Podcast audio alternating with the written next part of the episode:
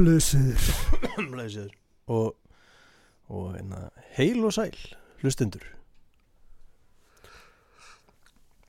Takk fyrir þetta te það er eins og sérst að brugga te henni í blómapotti þetta er svo stórt. Ég hef aldrei drukkið úr svona stóru Þetta er blómpottur já ok. Já ok. Upplætt að hafa það í huga að maður vill.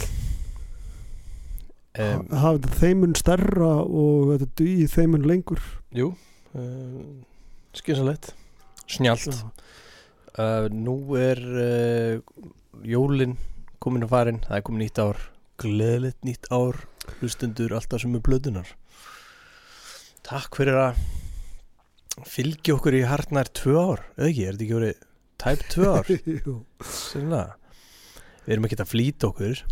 En hei, hér liggur ekki á. En hérna en, en það breyti, breyti því ekki að við erum komnir á enda stöð í þessu ferðalagi. Og ég hérna auðmjúkur lærisveit þinn ég vil nú segja ég er pingu, veist það er gaman að klára eitthvað en ég er samt svona smá trist yfir þessu þetta sé búið. Já. að við ljúkum þessu hérna á plötunni Power Up. Um, hvernig kom hún út? 2020 og það er Brendan O'Brien tökum Já, í, uh, fri, í friða sinn. Já. Menn að deyja og ég veit ekki hvað hvað. En að við fyrir kannski betur í þa þá salma eftir. Já, ég svona velti fyrir mér hvernig við hefjum þáttinn, þú veist, mér dætti í huga við myndum eitthvað lítið við farið við og hvað svo það er minnst það bara ekki kannski anda ACDC og sleppu þessu bara að, að við verum eitthvað svona hátileik eða skilur mig? Við förum örgulega bara í sérstakann þátt þar sem við gerum þetta allt upp. Einmitt. Þannig að við bara tökum upp þráðin þar sem frá horfið. Við hérna, vorum að tala um uh, hérna margt um misefnu rock or bust. Og ég ef ég man rétt þá náðum við að styggja einhverja hlustundur með að vera að, að þeim fannst neikvæðir. Uh, þú neikvæður ég en báðir vissulega ekki hrifnir af þessu blödu og bara svona ef við rennum elstnægt yfir það mér finnst bara eiginlega svona, svona þetta er bara svona þetta er svona plata. Ég held ég að vera reynd að taka að tala um það að maður trúir ekki á neitt það vant skortir trúverulega skulle segja. Skilur mig? Já. Eh, það er oft talað um það í leiklist eða eitthvað svoleiðis.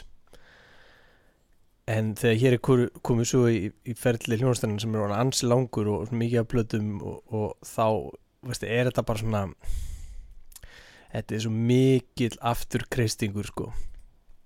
Og veistu, það er bara svona það er bara svona látt að þeim risið og ekkert spennandi að gerast og hún eiginlega bara svona fór í tögun á mér.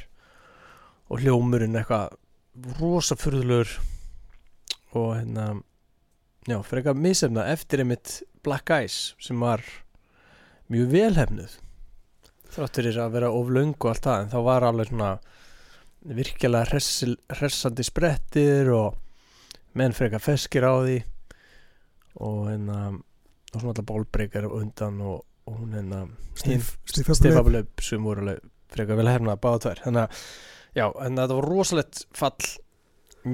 Svona því ka- nú er ég byrjað að tala eins og við sem uppgjörstættinum herru, Power. Up kemur út 2020 séru og ég man með þess að ég sem var ekki, bara ennþá minna að fylgjast með uh, þarna en, en þegar yngri um, um, veist, með börn og, og allt svona þá var einhvern veginn ó- óumflýjanlegt að vita að þeir voru komin aftur. Og þú, ég veit ekki hvort að þú kannski kafað eitthvað í það. Hvernig er einhvern veginn? Herrferðin var hreinlega bara út um allan heim. Já, það voru að byrtast hérna vegspjöld hinga og þanga í heiminum. Já á, á tímum það sem bara vegspjöld eru úreld og samfélagsmiðlar og, og bara TikTok og, og aðteglis aðteglis gáður fólks eru bara konar í einhverja nanosekundur Já. og allt það. Þá einhvern veginn komist þér í gegn. Hvernig stóða þessu? þetta er bara gamli skólinn einhvern veginn. Gamla skólastefnan að, að að kynna sem í þessum hætti. En þá var líka líka var öll hönnun alls svolítið svona þrepi ofar en áður þó hún sé gjarnan mjög fín. Mm. Hönnunin í kringum þessa power up plötu er ansi, ansi flott það verður ekki aðeim tekið Já, sko. til mikil sóma en Já. að um, uh, vínilútgáðan kemur á svona tvöfaldri kápu eða svona eins og Gatefold og hún er rosalega flott Mhm. félagi minn Magnús Haldursson um, hann á þessa blödu sem hann kefti í Lucky og hún er rosalega flott Mm.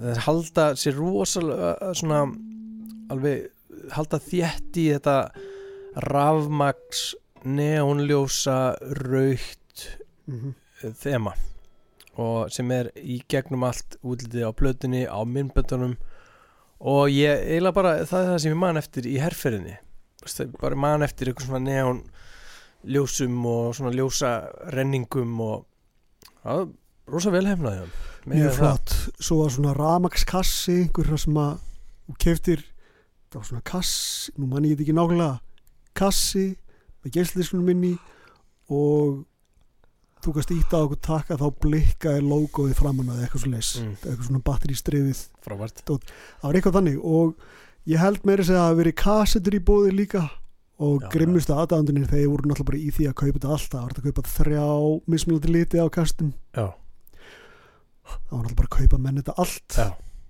Grimmustu safnarinnir þannig að vantaði svo sem ekki upp á þetta. Getur lækkað aðeins í mér? Ég, ég minnst við hvað meiru mikið tinnitus, takk. Svona, Já, og hérna, byrju, hvað líða mörg ára milli Rockaburst og, og Power Up?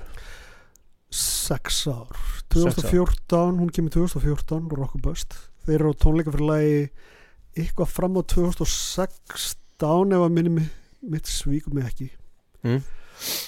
og já, svo fjórum árum setna áður þetta hann Power Up. En En- það er svo sem ímislegt í mildtíðinni sem er svona áhugavert eða náttúrulega sorglegt. Mark. Malcolm Young deyr og talandi um það þegar við tókum upp síðast þátt það var dánardagur Malcolm Young og í dag er ammælisdagur Malcolm Young Mm. og þetta gerum við ekki, Þetta þetta bara- var ekkert skipulag. Nei, nei, þetta er einhver kosmísk uh, örlagar örlaga öfl sem hafa tósaði strengi og, og hérna bundið þa- þannig um núta að við erum hérna á þessum dögum. ACDC eru með okkur í þessu með öðrum orðum. Já, já, en ég meina það er ekkert lítið sko mála hans í dáin Malcolm og er bara náttúrulega bara ekkert inn í myndinni þessu allra þessa plödu uh, ég man rétt Brian missir líka röddina og það er tvísint með það hvort hann getur yfirleitt sungið ekki satt?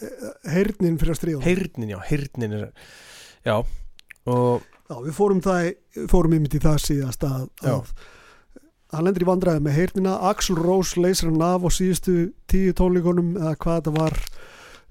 Og eftir þetta að þá finnur Brian Johnson veit ekki hvort það hefur tilvílun eða hvað en hann það er, verður einhver svona ægilegur heyrna sérfræðingur á vegi hans sem þróar einhverja nýja tækni byltingakenda tækni sem verður þess að hann lagar þetta vandamál hjá Brian Johnson hann er með eitthvað heyrnatæki sem er ofur algjört undur mm. og hann hefur líst þessu í viðtölum og ég þór ekki að hafa það eftir honum um hvað málinn snýst en, en þetta er ansi byltingakend aðferðvíst sem er notað hana og á milli platna þá er ruddin inn og út úr fangilsi og vendarlega einhverju, einhverju uh, meðferðum og tjæsla sér saman.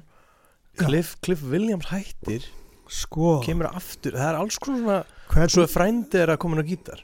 Já, frændi, ha- sko Stevie Young er náttúrulega á Rock og Bust plötni og Mhm. er hreinlega bara komin inn í hljónstina já, frá með henni nú ætla ég að reyna að muna í hvaða röð þetta gerist ég, ég man þetta ekki alveg. Og það, sko, eitt sem gerist þegar Malcolm Young er svona sestur í Helgan Stein má segja að eitt af því fyrsta sem gerist þegar minni mitt svíkum, svíkum ekki það er það að Phil Rudd gefur út soloplötu og verður mjög sold, verður alveg, alveg til dæla hávær sko. Mm. fer mikið í viðtölu og komið sér á framfæri og, og svoleiðis. Og segja eitthvað eldvind eða Eh, Ertu að tala um hávær þannig Já, meina ég það fyrir að bera miklu meira á honum?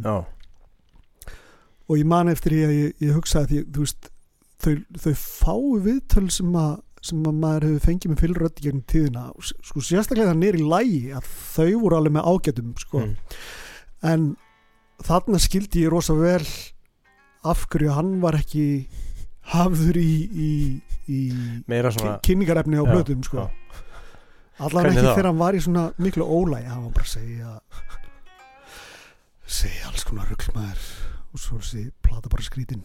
Já. en en hérna það er meira sem gerist býtu nú ætlum ég að grafa þetta hérna upp úr náttúrulega Chris Leiti komin hann á trommunar sagt, í tónleikaferðinni Rockabust og hann var þetta í mér eða hálsinn á mér. Hálfum sem þér, wow svaka, svaka háaði mér. Afsaki ekkert mál. Já, Kristleit hefur sér líka töluvert í frammi að það er verið að verið að ræða alls konar við hann og ert þú í hljómsdynni en þá bla bla bla og hvað er að gerast? Og ég man eftir í hann sagði þegar kemur ljósa Rudd verður á Power Up plötni Mm. að þá er Kristleit mjög ósáttu við það sem sagt, að hann hafi ekki fengið fengið hreinlega þá stöðu Mm.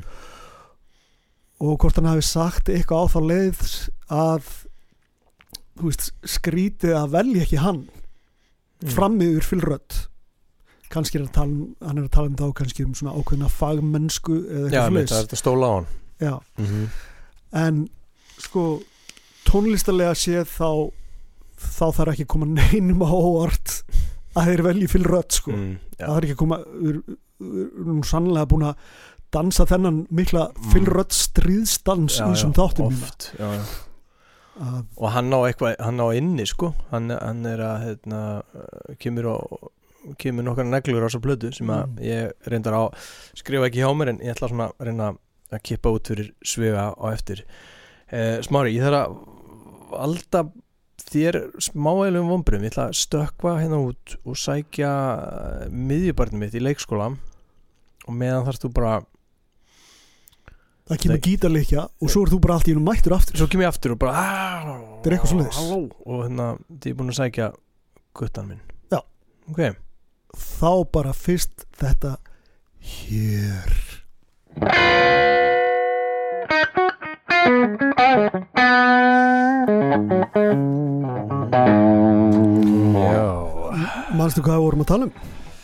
um, við vorum að, að hérna, fórum að hundafaði yfir uh, svona mannabreitingar og, og hvað menn hefði verið að hérna, bardúsa á milli Rockabust og, og Power Up sem voru ekki, sex ára ekki satt? Já, og við vorum að tala um þetta, verið áberandi á rosa mikið svona stemning á Facebook og svona þeir eru engu glemt kallanir svona, það er að- það var þannig meðbyr. Já, og við vorum búin að minnast á Chris Leit, Axl Rose, Mm. fráfall Malcolm Young, sólplötna sem að Phil Rudd gaf út. Ba bara Og- svo þessi að reynu þá erum við ekki neitt hann á miðum. Nei, af því að þú taldir þetta upp eins og þetta væri beinagrind á þættinum en já, þetta bara atvekaðast svona. Beina, við erum ekki með neitt svoleiðis. Nei. Sko, og það sem einmitt þú imbraðir aðeins á var það að Cliff Williams lísti því yfir að hann var í hættur í Já. HDC og þetta er undir lokin á Axel DC þar að segja mm. þeirri myndar hljónstinni sem hún er í undir lokin á Rockabust. Axel Rose að syngja Chris Leit á trommum Stevie Young á rithmagítar Cliff Williams á bassa og svo Angus Young á gítar Já. og Cliff Williams sagði bara hreint út þetta er ekki það sama. Já, hann segir þetta hann bara. segir það, já já. Tæpi tungu löst hann segir það. Og hann er ekki að hætti ykkur fúsi eitthvað þannig. Maðurinn er náttúrulega á á, El, já, sjötugstaldri þegar hann hættir. Já, hann- er þeirra elstur eða- hvað? Nei, bara hans Bara elstur Já, þú veist en menn, en menn er ekki að fara að segja hlutin eins og eru á þessum aldri og eftir allt sem hundan er gengið þá eru menn alltaf ef, fæður, ef ykkur má segja svona þá er hann. Já, hann svona, hann svona í, íjar að ykkur svona. En hugsaði hvað þetta hefur verið satt ef hann var að segja það? Já, já, og, og þá má alltaf bara leiða líkur af því að þetta hefur líka átt við að Rocco Burst, Burst mm. Rocco Burst plötunni þá. Hann, hann er auðvitað verið að hugsa þetta líka þá eða liðið þannig. Það er spurning sko en Cliff, Cliff Williams á því sko, hvernig hann lýsir hvernig hann lýsir tilfinningunni að spila með Phil Rudd sem bassaleikari mm. að ég held að ég held að sé veist ef hann fær að segja alveg svona satt hver munurinn er á að spila með Chris Slade og Phil Rudd að þá þá kemur nú ímislegt ljós myndi ég segja Ég vona svo innilega að það sé tala svona um mig sem trómara Já. Það sé ykkur bassalegar úr fortíðinni minni sem er alveg, það var rosalegt að spila með Birki, það klikkaði ekki sko. Það var alveg með þetta í vasanum sko. uh, Já Betur nú ég hér fyrir gítar í gang Já, já Skára að vera það Skára að vera það Já um, Fólk er alltaf að spila það vittlust Thunderstruck. Já Við erum komin í þangað, við erum komin bara Nei, ég er náttúrulega með 30 ára aftur í tíma. Ég er með aðtilsprest Ég var bara að hugsa um þetta sko. Þannig að hann spilar þetta alltaf á, með nögl sko. Já, En af því að minnbandinu Þá gerir þetta Já, já er, miklu, miklu snúnar heldur en þetta pull off en að já, þetta er svo, djúvel hratt. Já, já, hann, hann kann bolta eins og ykkur sagði. Sko ég veit ekki hvernig við erum að leiða hérna uh, hvernig við erum að leiða plötni, það má segja svo sem þeir, þeir, þeir senda svona smá kýtlu frá sér sem er brot úr fyrsta smáskífulæginu sem er Shot in the Dark. Það kemur hérna ef ég maður rétt í oktober 2020 og þeir eru líka svolítið svona sniður með þetta bara, herru, þetta búið að vera leðilt ár hérna fyrir, fyrir plánituna í heilsinni COVID árið, fyrra COVID árið. Og þeir segja bara við viljum glæðja fólk hérna Já. með þessu. Og þeir voru tilbúnir að fara í tónleikaferð sko. Platan er tilbúin í byrjun 2020 þeir eru að taka upp hann mymband við sjóttinu dark, gera það í Hollandi. Já, það, Og- er, og þeir frá æfa þarna í tæpar þrjár vikur fyrir hreinlega bara komandi tónleika sko. Þi- þi- Já. Mm. uh, og ég er alltaf hérna muna eitt afsakið þetta sé hérna hinga og þangað. Nei, við bara ekki, Við erum ekki að afsaka, Já, já, afsaka, okkur í síðasta hættinu sko. sko, sko það er ímislegt annað sko. Það er það náttúrulega að, að hljónstin sameinast á ný ég held að séum örgla að tala um 2018 frekar en 19 þá er hún aftur mætt í Warehouse Studios í Vancouver í Kanada ásand Mike Frazier og Brendan O'Brien. Og, Ég ætlaði einmitt að fara að spyrja þetta og þeir vildu vildu vera eins mikið útaf fyrir sig og þeir gátu að þeir vissu hreinlega ekkit í hvaða ástandi menn voru. Og Þannig að þeir eru raunum að hittast erum bara að taka upp þráðan í hljóðurinu Það er vantilega ekkert að hittst eitthvað í fjölskyldubúðum heldur bara þarna það er hittist náttúrulega í jarðaförunni Já. hjá, hjá Markham Young. Þeir gerðu það sko. Og þar voru nú hérna Það er satt ekki það sama. Þeir að fara í sikur áttina bara og... Já. Sérstakt. En þeir sko og þar er einhver sem nær myndum af þeim nokkurum á svölunum þegar þeir reykja. Hmm. og byrtir þær náttúrulega. Ég menna maður nær myndir af ACDC einhvers staðar, þá er það náttúrulega bara mm, byrt og þeir verða drullu óhressir með þetta því þeir vildu bara vinna í friði alveg pressulausir og vera ekki mennir ágjur og þeir, þeir, þeir eru alveg hundfúlir með þetta að þetta að það lag út að þeir væri í hljóðveri sko Já, já. en allavega en að platan er hann að löngu tilbúin og eftir því sem ég kemst næst þá var planið að fara í tónleikaferð en náttúrulega COVID setur þetta allt á annan endan og ég meina plata sem er tilbúin í byrjun hvað, í lok 2019 en kemur ekki út fyrir en árið setna Mhm. og svo náttúrulega uh, þeir, þeir, þeir sögðu frá ýmsum pælingum eða allir heldur Brian Johnson hann sagði að að það voru svona vangaveltu með það að halda svona streymist tónleika mm. Það var reyndar aldrei en Brian Johnson kom hins vegar eitthvað fram hann kom eins og fram með Foo Fighters manni söng, Back in Black Já.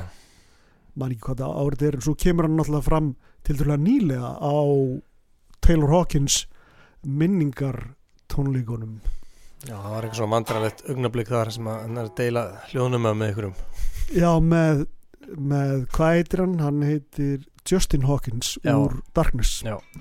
A, a, en, en, en svona áður við förum í plötuna uh, uh, sko, sko já, Já.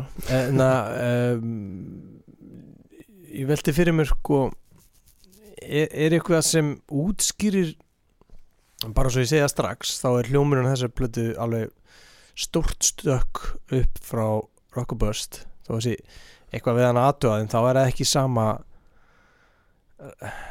flatneskjan hvað með Brendan og Brian innanbors á báðum hva, hvað gerist veist, hvað Á- gerist í mildinni hvað orsakar þetta þennan mun? Það er mjög góð spurning eins og við höfum áður nefnt.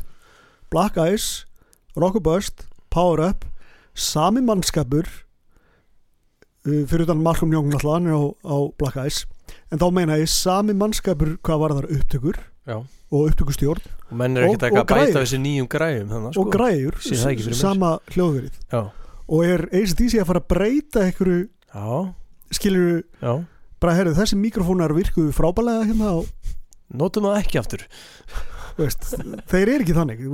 Angus Young nota gítarana sína þangur til, er, til að verður að gera eitthvað. Já, já, til dæmis, skipta um pick-up eða er svo en er, finnst, þér, finnst þér þá hljómburðurinn á Power Up?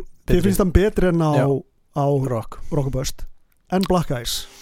Finnst Nei, þér betra, betra, sound á Black Eyes en þessi báðum. En veist skilur ég og líka veist ég meina það var maður var hann svo þungur eftir Rock and Bust að ég átti bara að vona á einhverju einhverju ömurð sko. Eða eitthvað bara svona hjákállegu vandræðilegu einhver drulli en ég verður að segja ég er power up megin í lífinu svona svona heilt yfir sko. Um, og það er ímislegt sem kemur til sko. Það, það, það verður að vera góður hljómur á ACDC blutu og hann er ekkert eitthvað brjálaðslega hann er alltaf einhvern veginn svona mjúkur og slípaður uh, það fer alltaf svona mér finnst það alltaf pingu svona döðafæri sem menn brenna af af því að þú ert með svona hljón sem er veist, bara rock og þú hækkar bara og byrja að spila þá á þetta að vera meira bit þá á að vera meira bit Já. meira bit og aðeins meiri bjögun og það er ég ekki að tala um svona bjögun sem þú færið með að stíða okkur fetil heldur bara af því hvernig þið spila og svona en já, það er allavega svona skörinni betra og, og minnst veist, Brian bara nokkuð góður á plutunni uh, Phil Rudd fyrir ykkur svona bassatrómu leðungur hérna sem er mjög sjálfgæft og uh, synda ég ekki skrifa niður en kannski rífast upp á eftir. Hann er að taka nokkuð svona mörg slög eða röð á, á bassatrómunum og hann er góður. Mm. skemmtilegt. Og hérna um, það sem vantar nú er ég bara að fara yfir þetta svona á hundafaði já, já. um, svo tökum við lag fyrir lag en það sem vantar, það er ekkert þungt lag þannig það er ekki, eitthvað svona skilur eins og maður heyrið á Ballbreaker og Flick og Black Eyes og akkur dettur alltaf úr hausnum um platan sem að Erla var með okkur og haugur Steffi Blaze Stifabuleip Já, að öllu þessu blötu með er eitthvað svona eitthvað svona, eitthvað svona drukkur sko, svona eitthvað svona þungt. Og það er ekkert þannig lag á þessar blötu sem ég sakna. Opnunalag er ekki alveg nógu mikið negla sem er eiginlega bara svona fyrst fyrsta skipti sem að svona er alveg svona uh, þú heyrir alveg svona þessum styggsmunur sem, að því við erum bara orðin góðu vön. Meiri svo á lélugum plötum eru góð opnunlög hjá þeim sko og, og ekki þarna. Þetta er svona frekar svona, fer mjög svona lullara stað. Og og það er rauninni bara eitt svona sveitaballalag svona landasýnilag. Through the mists of The time. mists of time. Veist, það er bara svona landasýnir uh, Brian Adams eitthvað. Mhm. uh, en svo, svo finnst mér ekkert eitthvað svona mér finnst ekkert að vera eitthvað haugur á hundum en að samanskapi er ekkert eitthvað, eitthvað neglur heldur. Það er svona fyrsta sem ég langar að segja. Þetta var fínasta yfirferð á, á plötunni hjá þér.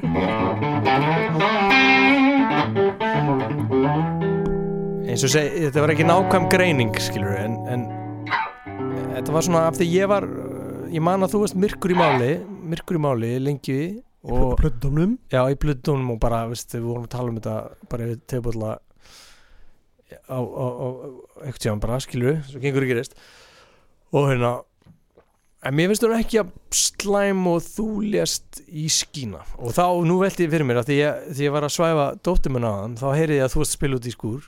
Þá heyrði ég bara svona fílingi frá þér. Og og þá hugsaði ég, nú er smári að fara yfir plötuna aftur, alltaf eitthvað að breyst. Þannig að nú, nú maður þú eiga sviði Sko sko, ég er nefnilega uh, ba, sko, bara svo ég, ég, undistrykki það að ég er alveg til í að, að tilfinning mín fyrir plötum breytist. Þar að segja ef, að- ef ég tæki allt í einu upp á því núna að Dirty Deeds er því rosa góð plata þá myndi ég fagna því að því að þetta er visslega þetta er ACDC mm. og það saman segja um saman um Race og Sets sem er Mm. helvítið erfitt samt Mm. uh, og og já, þannig að, þó ég hafi kýlt hérna á ansi mikla jarðaför því ég var að, því ég var að dæma Power Up í plötudómnum hérna fyrir tveimur árum eða hvað, það- já, Já. fyrir tveimur árum að þá er ég alveg tilbúin að, að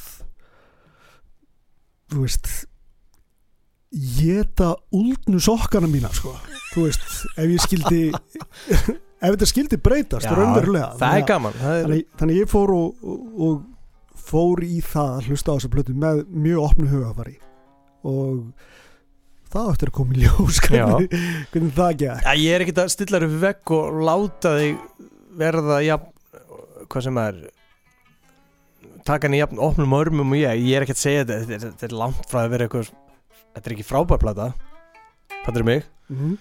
uh, en ég minna minnst þú betur en auðvitað Rock Burst og veist þegar maður er líka Já. þetta er síðasta platan hjá okkurum já menn þú veist það, veist það þetta er betri, minnst þú mun betri en Rock Burst og svo er þetta líka náttúrulega fyrir mig kannski var sjokkið það að hann væri ekki lélir af því að ég var líka, ég er alltaf svaka skeftiskur og allar svona hetjur veist, Metallica, þeir gefa ekki út þá er bara guðmur góður, ah, ekki gefa út. Skilur af því ég er búin að missa ég hættur að trúa á það sko. Og, og hérna s- svo þetta var, byrjaði að vera líka svona með slegir og svona, nei, ég vil ekki bara sleppa þessu. Þetta er, búið. Já, þetta er búið strákar. Já, já. Jú, gefið út stuttskjöfu gefið út þrjú lög og svo og hérna, leiði okkur heyra eitt demo. Hætti að gefa út plötur í fulli lengt og, og það er svona og hérna, er svona var, ég, það ég vil minni trú á ACDC en til þess með það, með að hekvinn að finna neistan aftur og allt þetta bull sem alltaf var að tala um. Þannig að ég var alveg bara guðmugóður mér finnst bara reglulega erfitt að klára Rock og Bust og nú er ég hérna komin í Power Up og það verður nú eitthvað þessi þáttur að við sem að fá niðurgang yfir þessu blötu en svo ég gekk ekki frá henni þannig sko. Uh, bara ég var nokkuð sáttur með væntingar Já. en svo líka eins og þú segir að endur skoða plötur og við erum nógu, nógu hérna uh, auðmjúkir til þess að skiptum skoðun en það getur líka að í hináttin eins og með Race of Sets Já. ég var, vissi ekkert að hún væri liðleg Mhm. skilur eða veist, þetta hljómar farulega núna nei, þetta, hljómar farulega fyrir kannski, eh, fólk sem elskar þá blötu en núna, veist, hún, hún þólir ekki endurskoðun, skulum segja hún þólir ekki að ég endurskoðana og það, með því að endur skoðana þá komst ég að því að hún er því að var polli var sem hún góð og ég er bara frábær en bara svona góð að það var svona mikið smellum á henni svo skoði hann aftur 44 ára gammal og er bara, nei nei, þetta er ekkert eins og góð plata Mhm. þetta var sko bestafalli góð stuttskifa Mhm. þannig að þetta getur Já, því, þvílík, þvílík þröngskífa Já. sko, sko. Þannig að Eh. þetta getur bröðið til begja vona veist, þegar maður endur skoðar og, og mér finnst þessi svona einmitt, þetta er ekkert Rósi Nappagat ACDC en þetta er ekki sama uh, brotlending og rock- rockaböst Já. takk fyrir sko eins og áður sagði, þeir eru komnir hérna saman 2018 19, hvernig Mhm. sem þetta var hérna í Vancouver í Kanada og það þessi plata hafi svo komið út og í þessari mynd þar að segja hinn raunverulega ACDC ef svo má segja svo langt sem það nær mínus Malcolm Young náttúrulega pluss Stevie Young að ACDC unendur þeir líta á þetta sem rosa mikið kraftaverk. Þeir vissi ekkit að Phil Rudd gæti komið aftur. Já, né að né að Cliff Williams myndi fallast af það að Já, gera, já, já, gera meira með hljómsveitinni og svo að Brian Johnson sé hann Já. líka. Já, það, það er kannski svona aðdándastemningin er svo rosalega, hún í rauninni trompar allt annað. Það er svona gleðin að þessu komnir saman aftur. Síðasta síðasta sinjabel og það er kannski slegir ekki augufólks að það er svona, þetta er frábær blata en hún er ekkit frábær. Ég, er að, ég meiri þess að braut reglu og fór að skoða blötudóma í dag. Mhm. Og það var rosa mikið, þetta er frábært. Þetta er alveg frábært. En ég held að það fólk sé í rauninu að segja að það er frábært að þeir eru komni saman aftur og þeir eru menn búin að deyja. Einn er svona rugglaði glæpa maður og einn er hættur. Já, veist. en Að hinga, þetta er- hér eru við komin. Þeir eru komin aftur í löður þetta er, frábæð punktur sko. Fyrst, fyrst þú nefnir þetta til skjálna að ég ég skoði ansi reynd marga plödduma á þessum tíma. Mm. Þeir skipta að minnstakosti mörgum tögum Mm. sem ég kíkti á.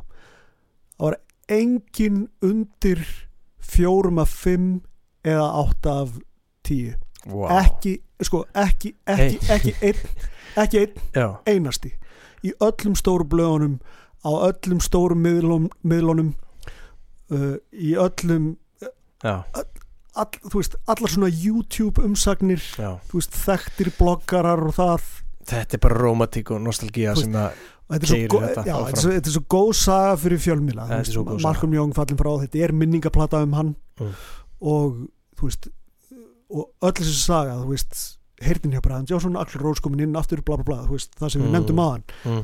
þetta kraftaverkaðir séu komnir saman á ný og líka hvað fjórir áratýr liðinni síðan Back in Black Mm. þetta er náttúrulega Mm. kemur á, á, á kemur á það líka og já og Brian Johnson hann segir og sagði sagt Andi Malcolm Young svífur mjög hressilega yfir þessari- plötu ég veit ekki hvort ég á að tjá mig um það núna jú, núna eða í lok í se- lok þáttarins Á, ég segi það bara núna. já, ég meina, hva, finnst þið það? finnst þið, er það rétt hjá honum? það finnst mér bara alls ekki Nei. það finnst mér bara alls ekki og við tölum um það á, á, á, á Rock a Bust að þegar sál er farin úr, úr tónlist að, að, þá þú veist, þá vantar eitthvað rosa mikið af hana.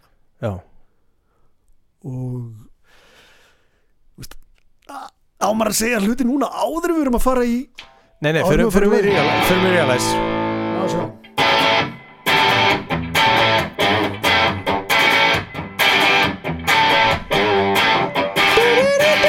Já, það ekki, já.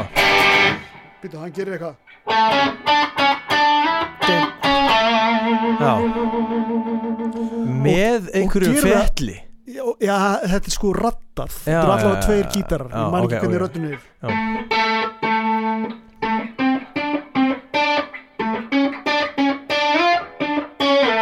Það var smá villust en, en sko það sem er skrítið, hann gerir þetta ón í söngin Já Dúrúdú, dúrúdú. Já.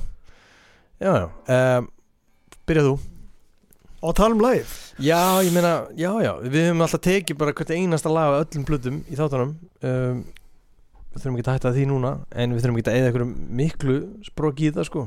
Sko ég held að sé viljandi gert í þessu. Lagi byrjar sem svo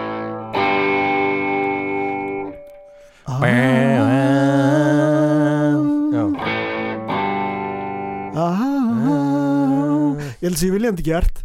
Þetta er Thunderstruck tilvitnun. Mm. Það er líka einhver önnur svona tilvæðinu plötunni. Ég held að það sé viljandi gert. Það, er- það er, það er hérna Brian er tekin upp nokkur sinnum hann að heyrist mér. Já, eða hvort þessi kór með honum.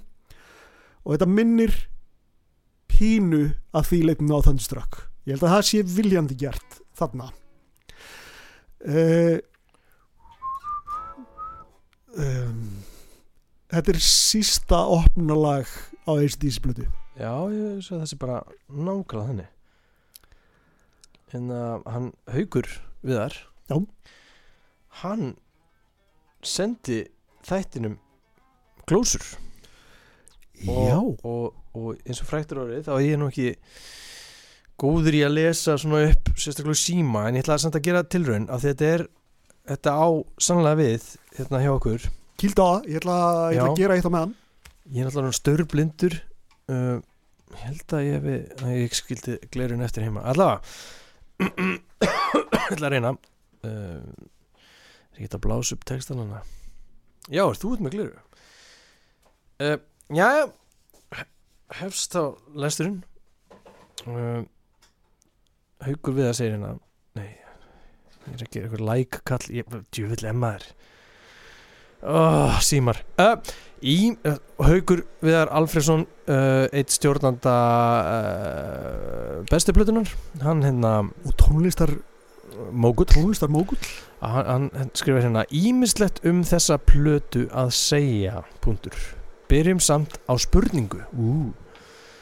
Er þetta ekki eina ACDC platan sem byrjar á lélu lagi spyr hann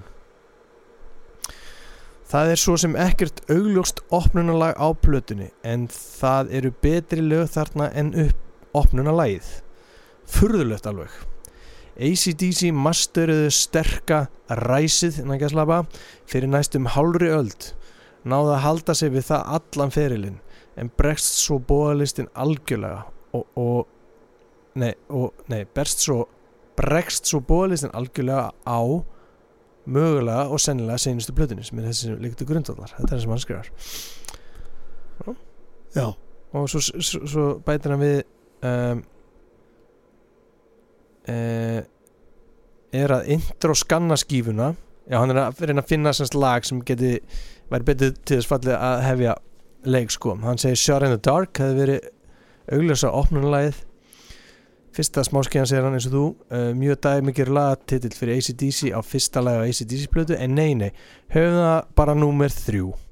The Dark hefði þrátt fyrir þetta verið eitt slappasta opnunalega ferils ACDC þannig að í rauninni, veist, hann er að segja að það sem honum finnst vera það lag sem geti verið best til þess fallið að byrja plötuna verið þið samt liðlega opnunalagi sem þýðir að honum finnst realize svo umulegt opnunalag ég er á inn að afsækja er svona. Hvert, hvert er ég komin? Nei, við erum bara í realize því líkt kaos maður. Já, það er öngfættið hér. Já, Já, krakkar. Ég ætla að hengja á mig gítarinn sko mér finnst uh, mér finnst mér finnst mér finnst Realize alveg hundleðilegt lag sko. Já, þú sagði mér að finnst það hundleðilegt lag. Ég Nei, haldur bara að tala Ég er að rifja upp nú ætla ég aðeins hérna Thunder. Vítu, hvað er ég að reyna að segja hérna? Þetta er samt alveg rest en, en ég skil ykkur báða sko og ég er alveg sammála. Myndi ég segja. Já, leið mér hérna Já, þú mátt gjarnan slökka á þessu svo við fáum ekki robota í heimsókn frá Sony. Já. Hvað er ég að reyna að segja? Dyrinin, dyrinin, Mist, dyrinin Út með það. Uh, Það þurfa að lesa plötu á miðina nei, mist það áttur að koma betri ljós setna en Mm. minnst, minnst bara þetta, þetta lag grípur mig ekki neitt minnst gítari fyrir ekkert spes. Mm. uh, mér finnst textin mér finnst hann mér finnst hann nánast bara óþólandi sko. Mm. bara hvað er þetta að syngja hérna? Bara grínlaust. The moment you realize gonna take you to paradise. Gonna make, gonna make you fly. Já. I got the power to hypnotize.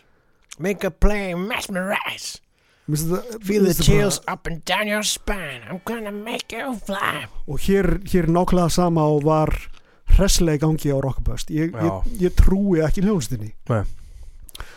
og mér finnst þetta óskaplega já, mm, þetta, er er rosa slögg byrjun mær Ok, fyrir það bara í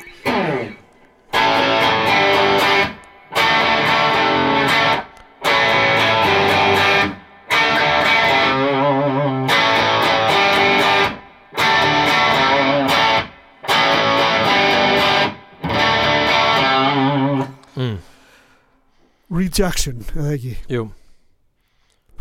Hvernig finnst þið það? rosalélegt, Mm.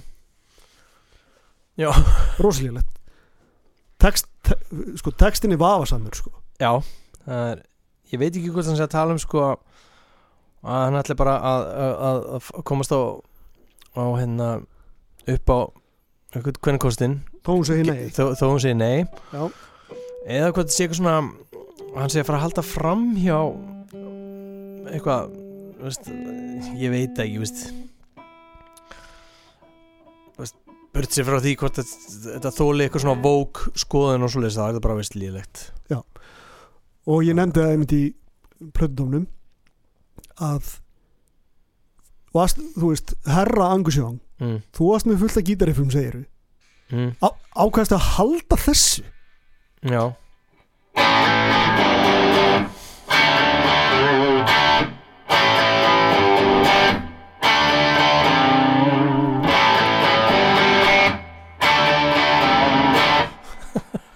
þetta er rosalega slaft gítarif já, já. Þetta er eitthvað mér finnst það- alveg hundlega það er þetta svolítið cool að hann syngur svona en já, það er hún eina já, finnst það ekki eins og svalt Nei, en ég ætla að segja eitt sem er svalt hérna í þessu lagi, smári. Og ég nefnt það áður, það er hvernig ruddin spilar á hætti. Það er engin tilvílun hvernig hann spilar á hætt. Hvernig hann lemur í þriðja hverju slægi eða hvað hann er, hann er með eitthvað svona áhersla sem hann svona, hann svona lemur í gegnum hætti. Mhm. Veist, það er ekki að það hann lemur fast, heldur hann bara lætur kjöðan lenda, veist, þetta er ekki svona óvart, þetta er stílinn hans sko. Og að fólk, ég hef nefnt þetta aður og, og hef kannski verið dullir að nefna dæmi, en í þessu lagi, ef fólk, hvort sem það er trommarar eða bara hefur allt einu er komin áhuga á rock trommuleik sem virka vel, þá er þetta eitthvað til að skoða.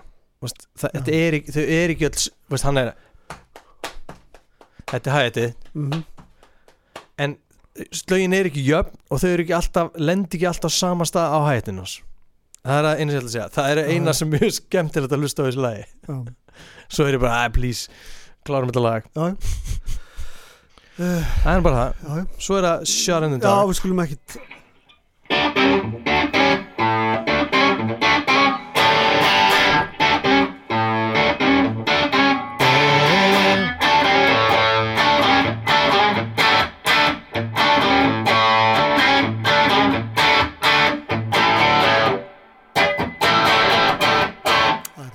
Veist, veistu hvað er spana bitið þessar plötu á mínum mandi?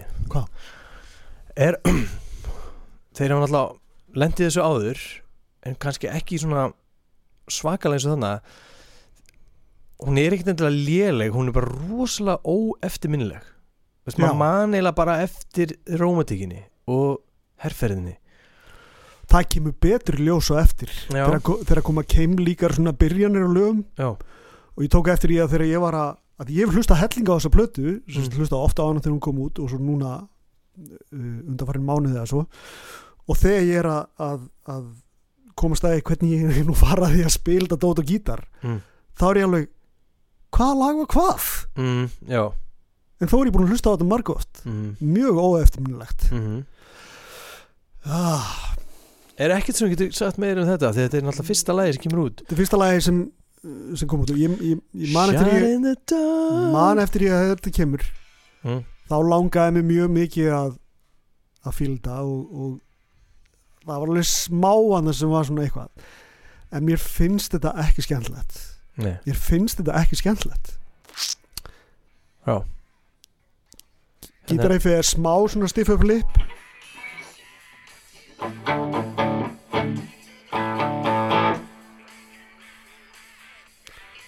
Er það þarna sem eru að spila sikk og hlutin á gítarana, þannig að frændin og Já, eitthvað smá sko. Ég, ég, ég, ég skrifa á mig, nei, ég, klikka á því. En það er eitthvað lag sem er mjög eftirteknavert aftur, þannig að ég man ekki svo hvað var en það var, ég, hjó rosalega eftir, ég var eitthvað að labba eftir salti til að strá hérna yfir svellið hérna fyrir fram á húsið. Og þá er ég alveg, júvellit töff hvernig spila svona af hver öðrum gítaranir, mm ég skal finna það eftir. Já, sko hérna, finnst fólki þetta geðið lag?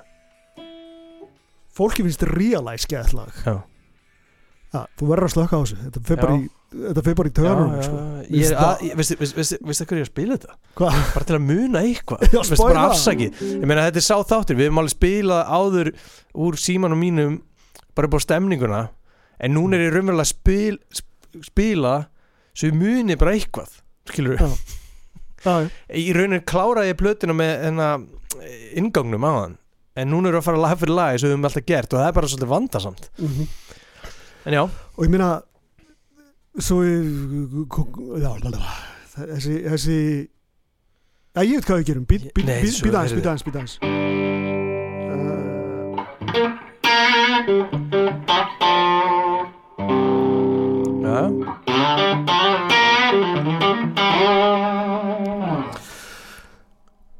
Sama fólk og segir að við séum neikvæðir Það fílar ekki flick of the switch. Nei, Þú veist það, það er að fara að segja manni það að rock og bust og power up séu góða einmitt, þetta er góðu Já, einmitt. Það er sama fólk. Já, já, og við, við erum að reyna að vera alveg drulli ákvæðir í saman þetta dót hérna. Það er bara, bara djöfull erfitt þegar tónlist er pirrandi. Já. og sitt hvort, þú veist, þessi gítar spila þetta og annar spila hitt og það er rattanir í gangi. Það breytir ekki að lægið drast. Já, já. þú veist, það reddar því ekki sko. Ég, ég, ég verða, ég er að fara hérna, að borra pítsu með krökkunum og við erum að fara gesti hann eftir. En ég ætla að lauma mér úr því pítsu áti og finna þetta gítargull sem ég er að tala um. Af því að, mér finnst þú smá skjóta með hana, það er, það er í góð lagi. Já, Nei, í alvörinni en, en, en auðvitað gerir það ekki lagi gott en það var eitthvað svona glúrið sko sem ég hef lært í þe á, á þessu, uh, þessu vegferð okkar er að þeir eru glúrnir. Ég vissi það ekkert í gamla dag til dæmis. Ég vissi það bara svona kick-ass rock og háaði og grípandi og ég vissi ekki að það væri að gera væri þó þetta miklu pælingum. Mhm. Þa, það læri ég hérna með þér sko. Þannig að ég verði alveg bara svo sem eitthvað kjött á beinunum hérna eftir að ég verði að finna þessu litlu þessu litlu fræði til að ræða nú er ég búin að tala um hægæti á fylgröð ansi langt seilst. En ég meina við erum að fara í lagun með fjögur og, og það er landa svona lagið ekki? Jú, og Brian Adams. Jú. Og það er bara, við hefum ofta rætt að það bara ferðum rosa illa. Við hefum alveg gert fært svona rauk fyrir af hverju þeir vor, hafa prófað þetta og reynt að hafa svona lög. Já. en það þýðir heldur ekki svo góð endilega. Ég sá þig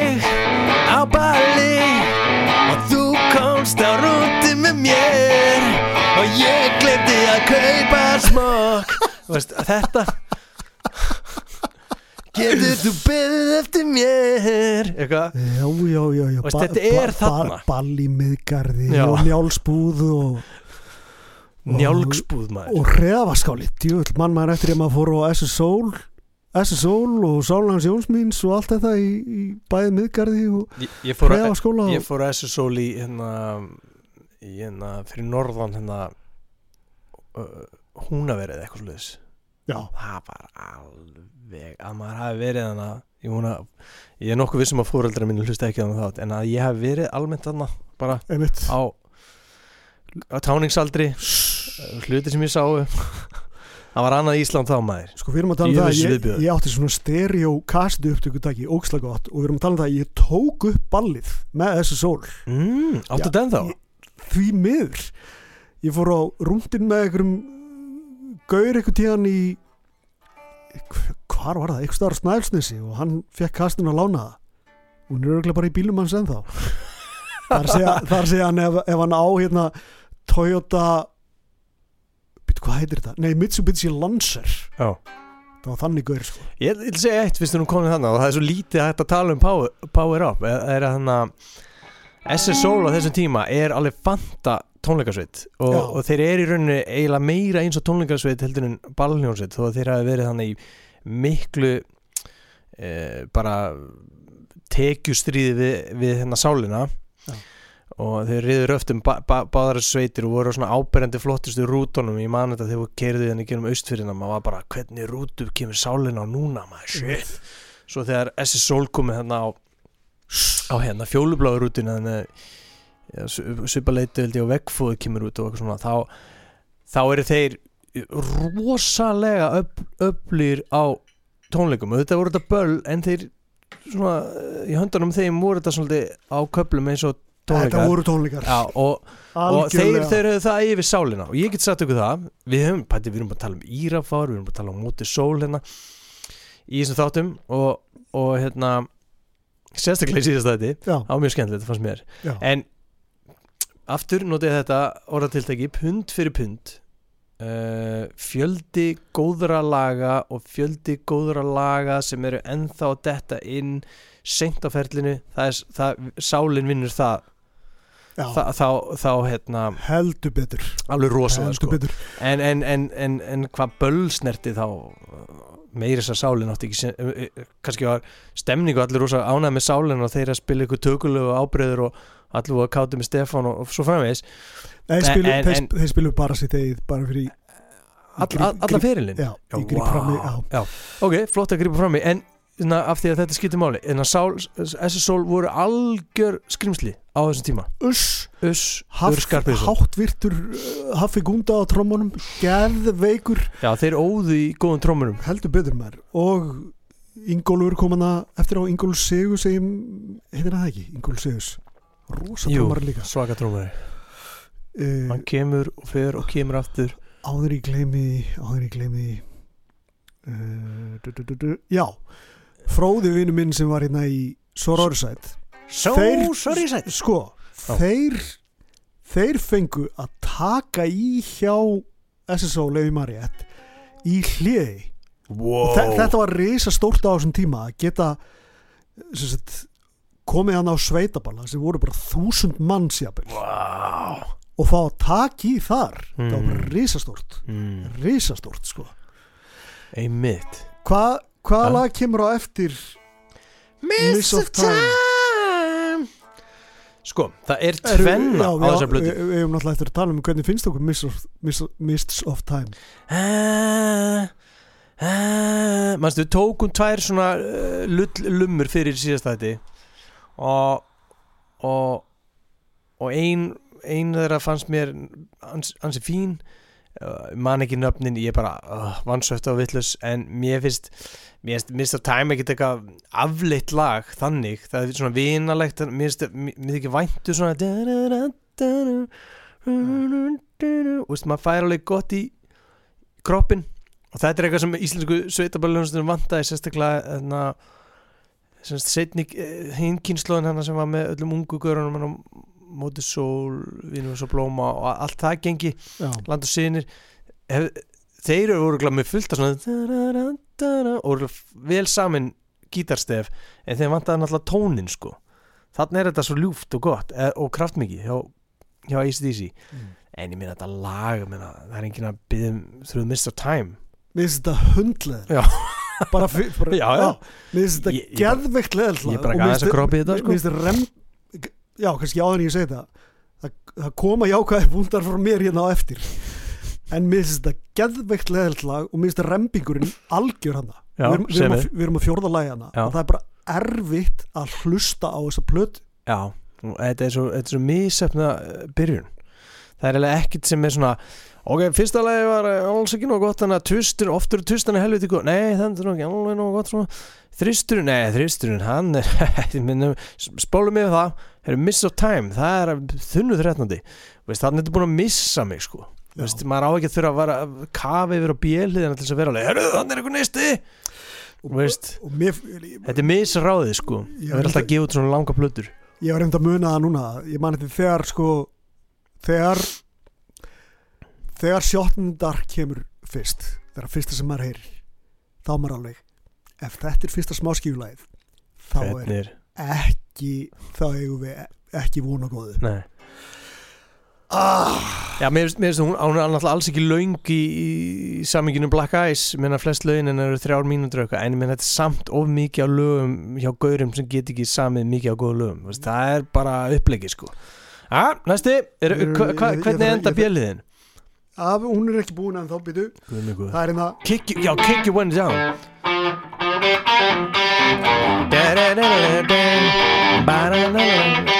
Já, þarna kemur aðeins. Mann þetta ekki.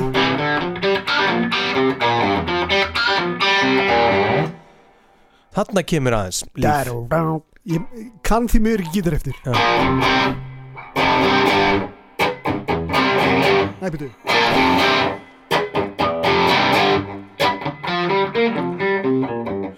Hvort það why, why don't you kick me when I'm down Já, Oh já, no. Dú, dú, dú, dú. já, það er talning, þeir gera svona cool talningu hérna, oh no. Já, hérna, já, þetta finnst mér gott lag. Já. punktur. En það, þetta dú, dú, nei. Dú, dú, dú, já hann Dú, spilar dú, dú. hann Á spilar sem pákuna. sagt á pákuna. Dú, dú, dú. Smá mute á gítarinn. Já, ég skal reyna ég skal, dú, Nei, byrju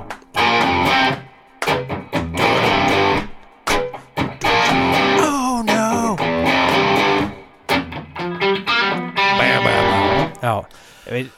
Sér það, fyrst skiptið sem, hérna, hérna í þessu upptöku það sem ég er svona í sætinu Já, já, sem maður er nú eitthvað að resast gerir ekki hérna já, en, en það gerir helling þú veist, það er mikið plásið það er hérna þú veist Mr. Time, það er ekkert plásið því lagi en þarna leður komið með eitthvað svona bom bom bom og einn á trómanum heyrir hljómin í pákunni og veist, þá lifnar yfir öllu það kemur eitthvað svona frumstætt sem hreyfið við manni skilur Og það þurfti ekki mikið til að þetta búið sorglegt. Já, furðlegt, mér finnst hún eiginlega lélegri núna. Já, en mér fannst hún í gær. Og fyrir þetta dagan á undan ég var búin að vera, hlusta svo mikið á hana. "Ah, það sleppur alveg, en menna, aftur ég er í rauninni bara að bera hana saman með Rockabust, Mhm. ekki góð það. En hérna er lag sem er gott. Oh no. Dú, dú, dú. það er eitthvað svona pæling í hérna viðlæðinu sem ég er ekki nóg tónfróður til þess að geta sagt ykkur hvað er að gerast Nei. veistu hvað er að tala um? já, já, já. Bom, bom, bom. en ertu með eitthvað meira um þetta? Nei, Fín lag. Nei, ég, ertu ekki hrifin að því? ég þólaði ekki sko. Nei, Ég þólaði ekki Það er alveg bara þetta er alltaf ekki dýrt sko Veitu.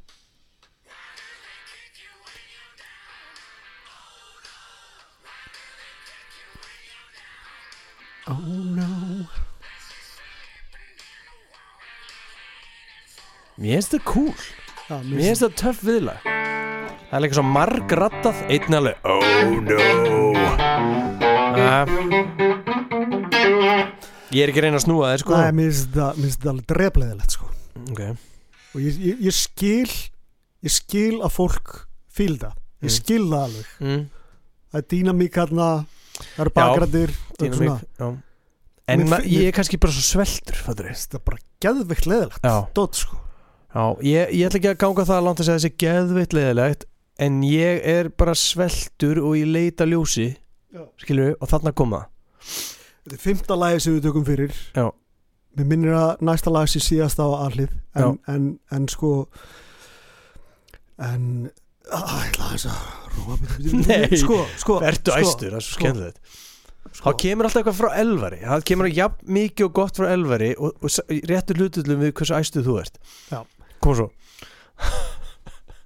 Fyrir mér er þetta bara ekkert ACDC þetta er hljóðast að reyna að vera ACDC sem er ekki ACDC af því að Malcolm Young er ekki hana. Já, og bara Andy Malcolm Young er, Er ekki, er hana. ekki hana. Nei. og, og s- sálinn í því sem hann gerir.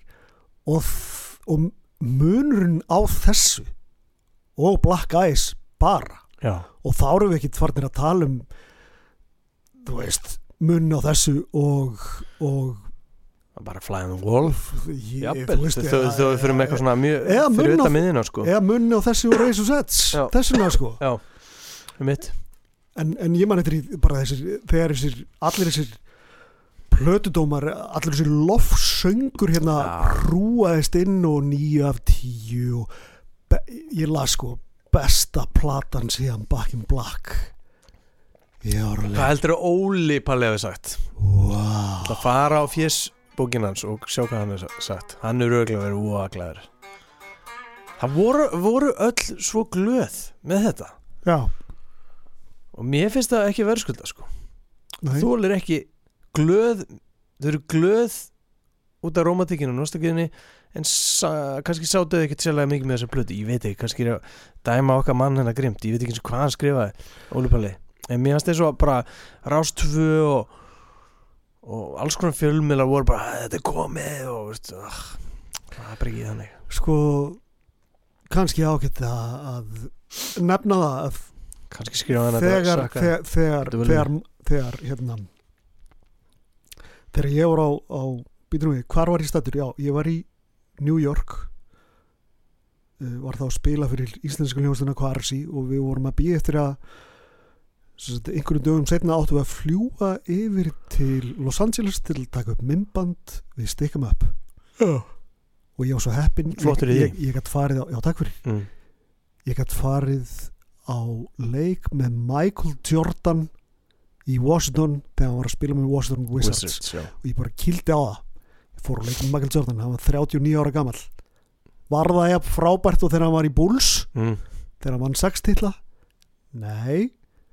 En það gladdi mig að hann að ég fekk tækifæri til að sjá hann Mm. þóttu veri ekki eins og í gamla dag sá hann skora þarna 20 stigi eða hvað þetta var og meiri sig að Kristján Lettnir var með honum. Mm. það var indislegt e, það er að sama og þetta hér þú veist. Menn einhvern veginn að reyna að gera eitthvað sem þeir reynlega get ekki. Við erum eins og bátur sem, sem, sem, sem er svona stefnulust út á hafi. Við erum ekki með neina árar um borð ekkert segl, engan mótor. En já mér minnir að nú komið fínast lag sko.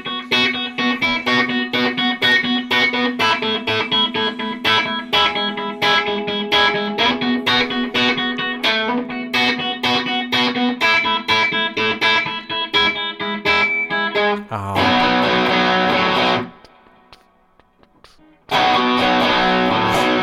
og svo hann að Yes, sama We're just bad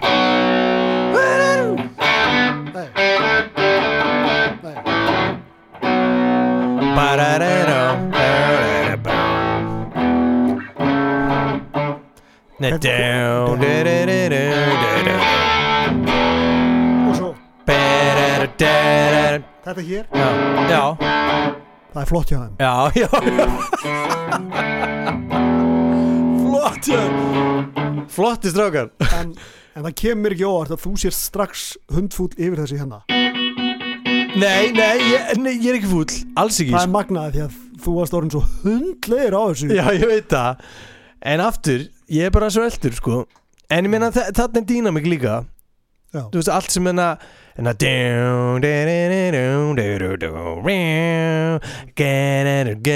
Og í því Þa- Þannig þú að ratta einn með, svona gripi. Cliff Williams kemur líka á rattar. Býr til eitthvað svona Melodíu. Og þ- þarna er strax þetta komin Allt aðra deild, sko Þú veist Þú að þetta finnst mér bara aftur, gott lag, betra en lagi undan Já. ég meina standardin er lár ég, en, en, en þetta er alveg lag sem ég myndi setja á Spotify listaminn til dæmis sem ég er að búið til fyrir hlustundur ég, ég virði hana það eru smá gítapælingar sem er ákveð þar finnst þetta ekki skemmtilegt. Nei. Mér finnst þetta ekki- skemmtilegt lag. Og ég veit ekki eins og hvort mér finnst það getur manni finnist getur manni finnist, finnist fundist gott lag sem er vel gert leðilegt. Er það þá gott en leðilegt? Eh, já, já, ég skil ég skil, ég skil, já, emitt ég, ég skil.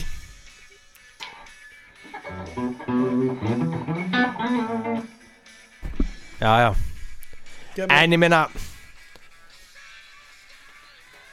gefa mér, gefa mér smá. Já, já, farið bara eitthvað ég, Það er bara upptöku. Bara út með þig í kælingu ég Ég er ekki frá því að hérna Þetta er alltaf auðveldlega þingsta lagið á þessari blödu sem vantar öll þingsl sem ég nefndi.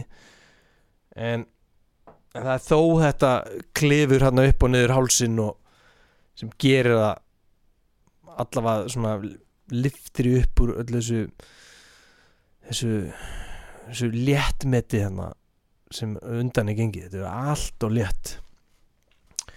Ekki að þarna ekki það að ACDC sé mikið þungar á sljónsitt þannig. Þó, þó, þó þeir hafi alltaf verið í þungar á tímaritum en, en herðu já. Hei þetta var skemmtilegt. Borðið hefur snúist við. Hérna já já. En ég má segja eitt hérna. Hér er besti textin hingað til á plötu þessari og náttúrulega auðvöldlega betur en allt sem var rockaböst þannig að þetta er nú við skulum ekki alveg hendur þessu í ruslið. Þetta næra aðeins skilur að kveika á einhverju alveg bara 5 sekundur í að hliða að sér búinn sko sem er agalett fattur Já. Við þurfum að býða alveg þangar til að út- nálin er að nálgast miðjuna á aðlið Já, að eitthvað fari að gerast. Þannig, raunverulega sko. Ég, mér langar að gera eitt svona bara upp á spauð. Já. Gá, gá hvort ég hreinlega geti það. Tilbúin? Já. Ok. Þetta verður smá hérna, smá sirpa. Mm. Svo,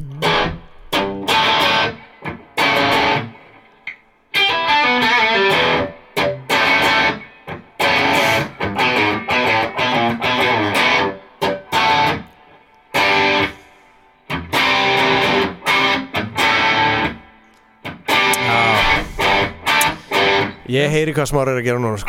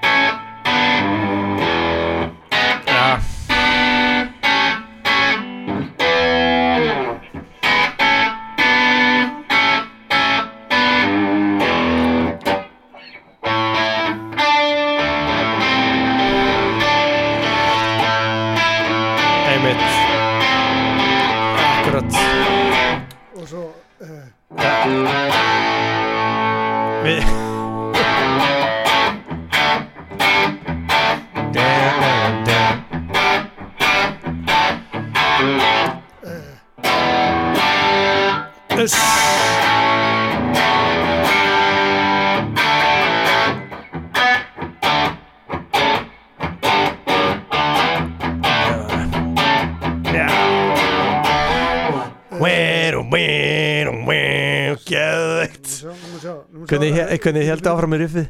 Uh, uh, bíddu, bíddu, bíddu, bíddu. Þetta er rosalegt.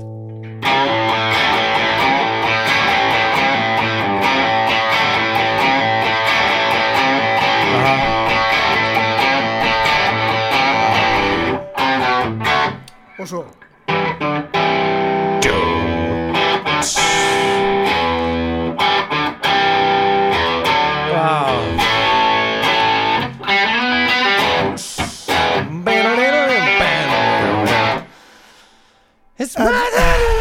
Ég veit ekki sé hvort- nákvæmlega hvað það að gera Ég veit ekki hvort þetta hefði verið réttir lög Það- Réttir lög, nýja hvort ég hefði náð öllum lögunum En allavega þetta var nánast bakin blaki í heilsinni Svona vitnaði í Og Ég er bara fyrsta, tára fyr- fyr- hvarmi sko. fyrsta, fyrsta, fyrsta, fyrsta þessi gaurar hérna í öllum þessum miðlum öllum þessum blöðum öllum, allir þessi bloggarar þeir, þeir gefa power up 9 af Níu. 10 eða fjórar af fimm. Já 8 af 10 minnst 90 og 100 ef þeir ætla að gefa power up þessa einhvern hvað ætla er þú veist, hvað ætla er þá að gefa back in black? Þú veist. Það er bara flik Þetta er rosalegt sko. Ég, er- alveg, er gæsóð sko. mikið þetta er svo mikið kjaftæði. Þa, þú getur ekki gefið Þættinum er lokið bara. Wow. Nei, alveg, halda fram en, en, sko, Ég voni ég, ég voni sér ekki trubla En þ- það sem var að gerast hérna Í beir, beinni útsendingu Og ma maðurinn hérna spila fingru fram. Uh, Þú jarðaðir ACDC með ACDC Það er það sem var að gerast. Já. Öll riffin sem þú spilaðir Þá væri bara svona mm, Jöfullin oh, Allt. Já, Bara allt saman sko. Þetta er sál. Já. Þetta er alveg ACDC já. Þetta er ekta góð hágeða tónlist. Ekki það sem við erum að fjalla um núna. Átta, ég- Glimti því, sko. því ég var að lesa það ég var bara svona hvað hva er gerast? Hvað er gerast? Þetta er bara hotlista Og- og- og Ekkert annað. og mögulega erum við sko Þrælsótti og, og fóringja hotlista ég, ég, ætla, ég neðist til þess að kíkja hérna á, á lagalistan Let me put my love into you baby. Og sko mög, mögulega er nú, núna mann, mann ég þetta ekki þetta farið svo í svo mikið gröð sko. Mögulega vorum við að fara yfir skárri hlutan af plötundi nei, ég mann þetta ekki eins og niður sko. Já, já. Ég held samt ekki. Ég held að bíðlinn sé betri. Ég minni það. En, en já. Já, já, já, ok. Um, Þetta er algjört. Nú er, Þetta, þú, þú stillir þessu svona upp eins og þú varst að gera núna Þá er þetta svo mikið þrótt En við erum alltaf bara að fara yfir þetta skildurækni maður. Við klára þetta? Maður sjá?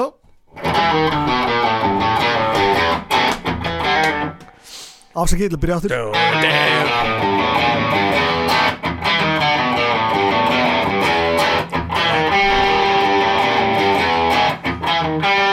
Afsakið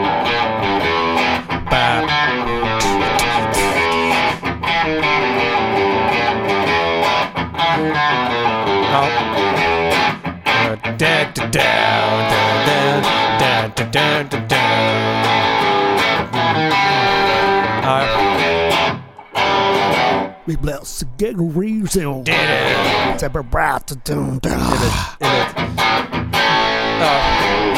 eins mikil sko setni tíma ACDC klísja á þetta er þá er þetta samtalega hjúkvætt hjúkvætt eitt svona eitt rætt já bara eitt rætt og með veist, na, sem spilað áfergju og ákefða gítarinn og já na, na,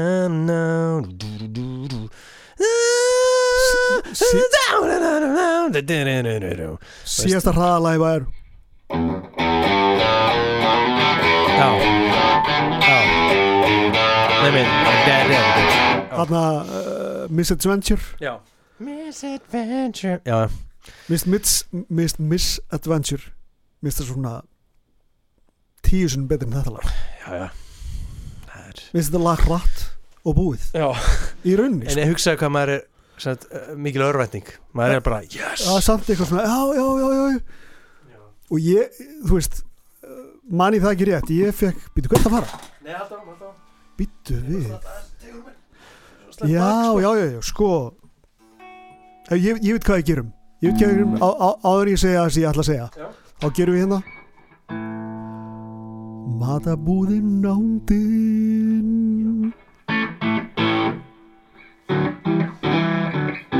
En býtu, getum við gert Matarbúð Já, nándin er hún Matarbúð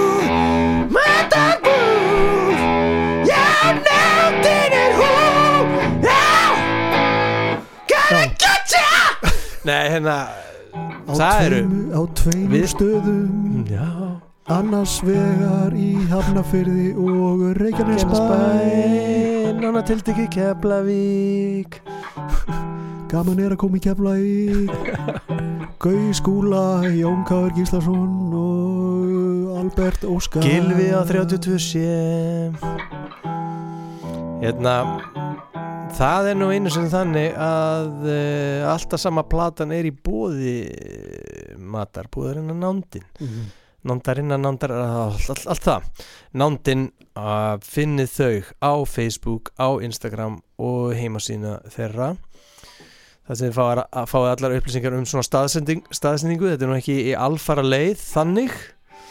Veist, ég get ekki labbað nefnir í næsta hús og sagt en að langt sem þið komið í nándina Mhm. en þannig ætti að samt að vera sögum um, uh, það sem uh, er á bóðstólum hennar sko. það er náttúrulega alveg einstakt hérna á Íslandi þetta er sjálfsagt eina búðin sem er vottuð fyrir uh, umbúðir og vera alferði plastlaus og þau kapp kosta meir en flesta búðir að þú fyllir bara á allan fjandan sem er framtíðin. Já, sem, er framtíð, já. segir sér sjálft. Sem er ábyrg framtíð og ábyrgt skref. Um, ekki svo að skilja að það sé hérna, fólk bara í ykkur jókastellingum og, og hérna, hörbuksum og, og, og, og bólurinn kæmi þannig inn nýkomin af leik Njarvík, Keflavík.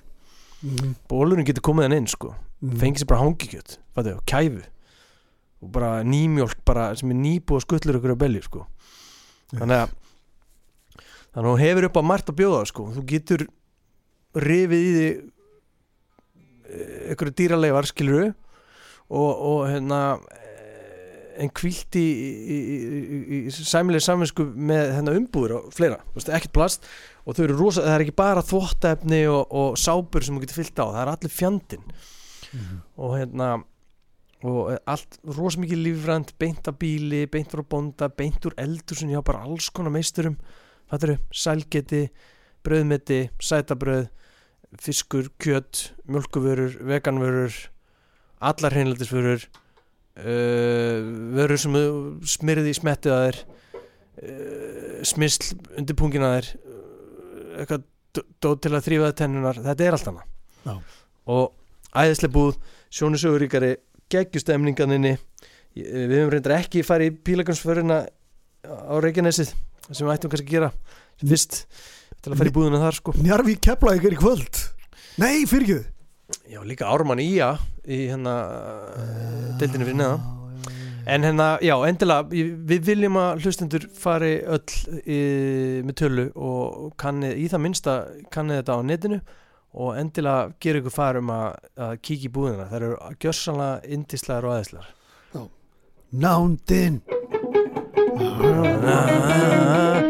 Nándin Nándin Nándin Nándin Já, sagur Á Keflavík Mér vantaði þvóttefni Ég vildi ekki kaupa eitthvað Ajax shit. Ok, hættum þessu. Hlið, takk nándin fyrir að styrkja okkur. Og stiða okkur. Takk ég lega fyrir. Uh, Bjeliðin eftir þetta.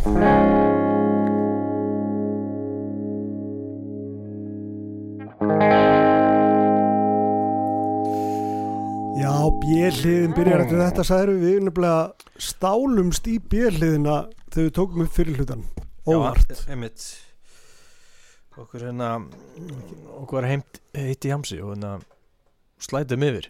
Já, eins og það er Demons Fire sem byrjar og við vorum búin að fara í það lag. Mm. það er það sem byrjar bjelliðina Að krafti. Já, á hraða og já, krafti. Já, ákefð sem hefur vantað. En ekkert Við vorum sammála um að það væri nú ekkert sérstætt lag en fólk ég held bara fólk eins og við höfum áður rætt veist, í skugga aðdánunar og nostalgíunar og allt það og hversu mikilvæg þessi hljónst er það var Mm. bara fólk svelt í veist, það átt að sér bara á því það heyri alveg hérna er lag með kraft og ákefð það er gott, Mhm.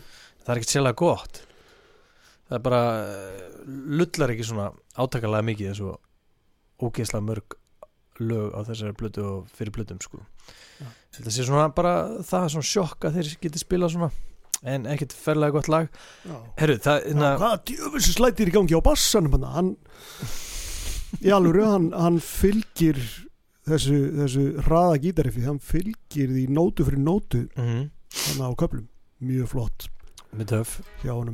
Fle, fleira cool hérna í, bassadeldinni hérna sem ég nefndi ekki síðast er hérna í Witcher's Spell læginu sem ég held upp á.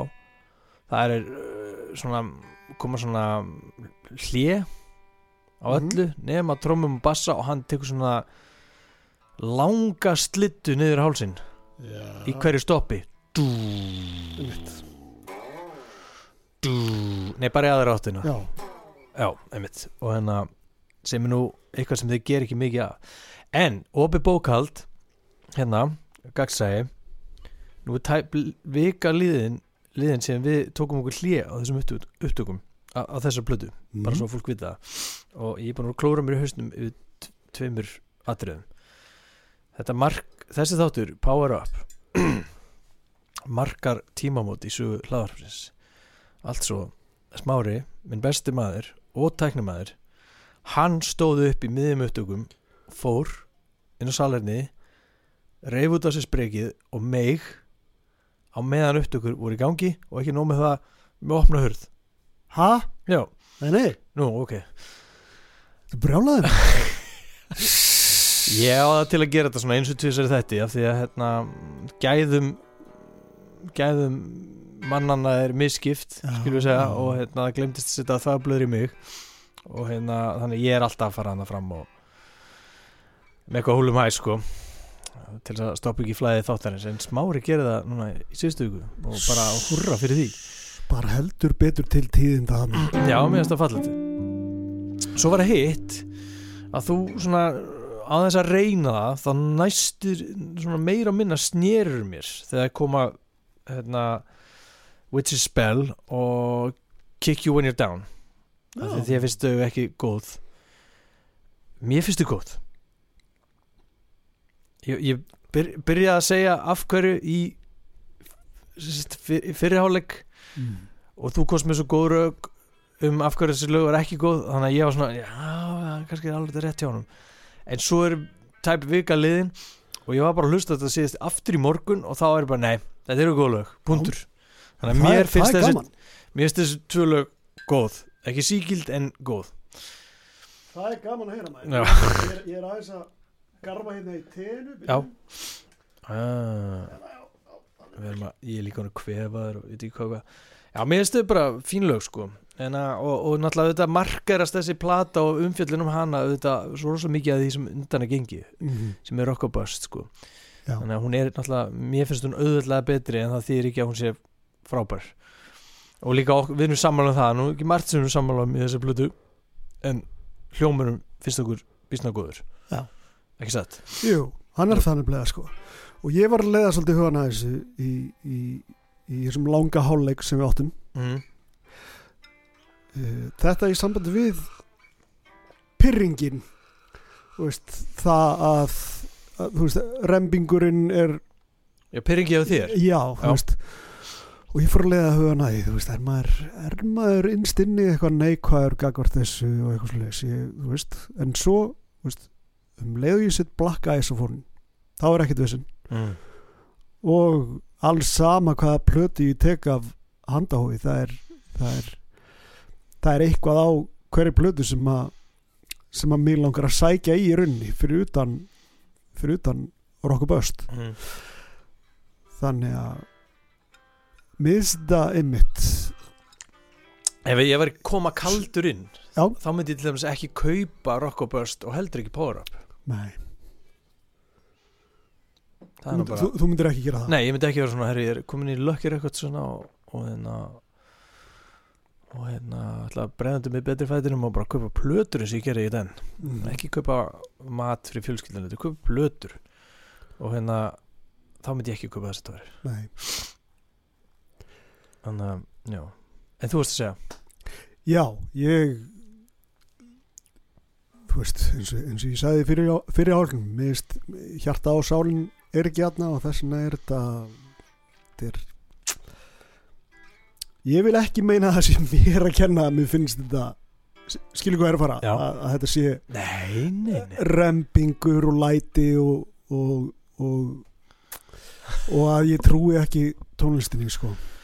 Já um, Nei, við þurfum ekki að afsaka það. Við erum báðir þarna, við trúum þess ekki. Trúum, þetta er ekki, er trúverið plata mm. og s- því síður plata sem kom undan og við erum búin að fara fínur fyrir því og þú náttúrulega skrifaði um þetta í tvígang. Þannig að þú þetta ekki afsaka neitt. Hins vegar fór ég á stúa mannstu ég tala át úr raskata á mér var þetta Ólapalla og rást 2 mannstu, mm -hmm. ég var ekki að segja svona þau, þau fílu þessa blödu ég get bara lofaði því eða eitthvað hann hefur lofsungið þessa blödu. Já, ég var svona, það var bara þannig ára á stemning í loftinu, ég vissum að Rás 2 með Óla Palla í broti fylkinga bara mjög hrifin að þessa plötu þannig að ta þá talaði ég með raskatinu svo hérna líður þessi vika og ég notaði tíman meðal annars til þess að aðtuga með tímalínuna hjá Rocklandi og Óla Palla og föstþættinum þannig að ég er með heimildir. Já, og, og semst í, hann er hrifin af þessu blötu Já. og hann telur til öll þessi atriði sem við nefndum í fyrirháleik og í rauninni er ekkit út af það að setja ég, ég er ekki að setja út af fólk sem er sama sinnis og Óli Palli. Og hann dregur hana fram atriði um að þeir, veist að, að þú veist hvað færð með ACDC, þeir eru ekki að breyta henni ACDC, kraftur í köllanum, hressir, hafa ekki mist uh, þráðin og allt það sem við vorum búin að svona greina svolítið sem nostalgíu og svona ást og romantík já. en sem við náttúrulega notum ekki mikið hér Mm. eða veist uh, reyðum okkur ekki mikið á sko, en hann var hrifin af plötunni og ég hlustaði mér svo á först þáttin sem hann tekur hann líka fyrir skilja hann talaði um þetta sjálfur í hérna, aðdraranda útgáfu plötunar og þegar singlanum tveir kom út hérna Mhm. hann var mjög hrifin og hérna og hann sagði svolítið merkilegt. Hann hann, hann samt sko sagði einhvern veginn að ég man, man ekki hvað hann sagði sko, hann var eitthvað svona þetta var ekki algjör lo- lofsöngur en þetta var svona eins og ég hafði spáð. Já. en svo sagði hann sko að þetta sem þú nefndir að, að andi eh, Malcolm myndi svífur vötnum hana já, og svo sá ég viðtalið Brian það sem hann segir svipað. Og ég treyst og, og, og náttúrulega Óli Palli hefur sagt þetta eftir að sé eitthvað svona viðtal eða eitthvað svona kynningapakka. Ég treyst ekkert því sem hérna, Angus Young og, og Brian segir viðtölum ekkert frekar en ég get hent fíl sko, ekki lengra en það sko. Já, þannig ég held að sé allt bara handrit veist, að segja bara, þetta segja þetta. Já. og hérna og mér finnst bara Andi Malcolm bara alls ekkert vera hana og þú er náttúrulega farið mjög vel í, í, það. Og, og annað atrið sko er veist þetta er bara já, þetta er bara sagt til að halda okkur góðum einhvern veginn af því að það þarf að gera okkur plötu. Þannig að já. Ég vildi, ég vildi bara ég vildi bara hérna staðfesta að ég, ég fór og aðtöðaði með okkar mann, Ólupala já, skemmtilegt. Hann er góður vinnur þáttanins og ég vildi ekki vera að leggja hann um orðið munn. Og sko óbúslega, óbúslega heitur ACDC unnandi. Mhm. hann, hann, hann er búin að hlusta á sko tölvöld lengur en ég mér að segja sko. Já, já, hann saði eitthvað meira bitast þetta í först þættinum sko, það var, hann kom inn á eitthvað þessar, þessa, þessa núansa veist, í, í nostalgíinu og vera að svona rosa lengi og svona fleiri þeim dúr sko. Já. Gott ef ég sett ekki hlekk á þennan þátt undir uppbytuna þræðan á alltaf sama platan hópspjall, hópspjall á Facebook. Já, ég þarf endilega, ég þarf endilega að, að, að hlusta á þetta. Mér finnst mjög, mjög gaman að hlusta á Óla Pall tala um ACDC sko.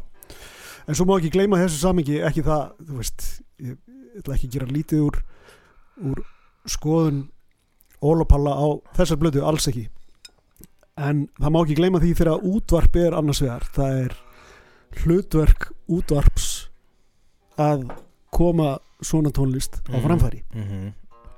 og þá er ég ekki að meina Óli Palli í þessu samhengi sko heldur, heldur Nei, þetta er bara svona líkil og áherslu plötur frá stærstu útgáfu fyrirtækjum heims, það er náttúrulega fyrir útvarpið algjörlega en, uh, en já sko, Þetta er gott til kra krakkar, þetta er rosa gott þegar sko, að því þetta er síðasti þátturinn þá uh, rannaði fyrir mér að ég er búin að trassa rosa mikið að lesa upp innsend bref og svona bitastæðistu bitastæðistu klumpana inn á hópspjallinu okkar. Og ég, ég er alveg búin að gleymi sér í 2-3 þætti. Já, þannig að það er lestur framöndan Já, ég sína hlustundum okkar virðingu sko. Þannig að og þó þetta taki tíma og allt á, ég er alveg fellur í að lesa af svona síma þá ætla ég samt að gera það því að þetta er síðast þátturinn við með enga tapa hérna. Nóa bandviti, þetta helviti Þetta helvítis helviti Sko, haugur fer mikinn hann hérna, Haugur Viðar Alfredsson já, við erum, búin, við erum búin að lesa eftir hann en ég er með tvær slumur í viðbót sko. Þetta er spennandi. Já, hann, sko þetta skrifaði hann áður en hann hlusta á Rockor, rockor Busttháttin Haukur segir sagt Mér fannst hún afar slö, slöpp þegar hún kom út en hef tekið henni sátt að mestu. Nokkur lög finnst mér merkileg. Got Some Rock'n'Roll Thunder vekur kátinu mína en það hefur Cliff Gamli Wil- Williams sjaldan fengið að leika jafn lausum hala og þar. Hard Times er lúmst svo sem lítið meira um það að segja. Rock the House innihildur glæsilegt riff en lagið er kannski ekki þeirra besta en svo er það lokalagi Mission Control besta lagplötunar og að mínum mati eitt af tíu bestu ACDC lögunum sem til er að þessari setni rispu. Þá er hann að meina frá, frá, frá Ballbreaker og til Power Up ofbóðslegt riff segir hann. Mm. mér finnst þið Mission Control gott og ég setti það á listan minn. En, ek, ek, en að kannski ekki alveg svona gott og þó, jú, jú. Já, svo það fer í gang það er zak, mm, ka, mm, tjá. Ég held að við hefum alveg gefið því uh, svona ágætis ágætis sko. En svo komum viðbröðin eftir þáttin fyrstu viðbröð eftir lustun á Rock og Bust þátt. Sko, það er alveg rétt hjá ykkur. Þetta er haugur ennþá, að Rock og Bust er engin tímamóta plata, sama má segja um Power Up það má þó ekki gleyma því að við erum að tala um fjör gamla menn. Brian Johnson var ég sagði skott á hann að Brian Johnson var 67 ára þegar Rock og Bust kom út hann í frítt í sund á Íslandi sögum elli. Að bera þetta saman við plötu sem hann gerði þegar hann, þegar hann var 57 ára eða 47 ára eða jafnvel yngri, það er bara ekki sangjant þetta er rosalega tölur. Mhm. og þá má spyrja sig af hverju eru þeir þá að gefa út nýja plötur fyrst þeir get ekki gert betur en þetta? Það er einmitt það sem fjölmargar eldri sveitir gera segir hann. Smokey í Eldborg Boney M á skemmtöðarskipi og svo framvegis. Ekki ný plata komið út síðan 1978 þá er hann að tala með einmitt af Smokey og Boney gef ekki út neitt nýtt það hjakast bara í fortiðinu sko.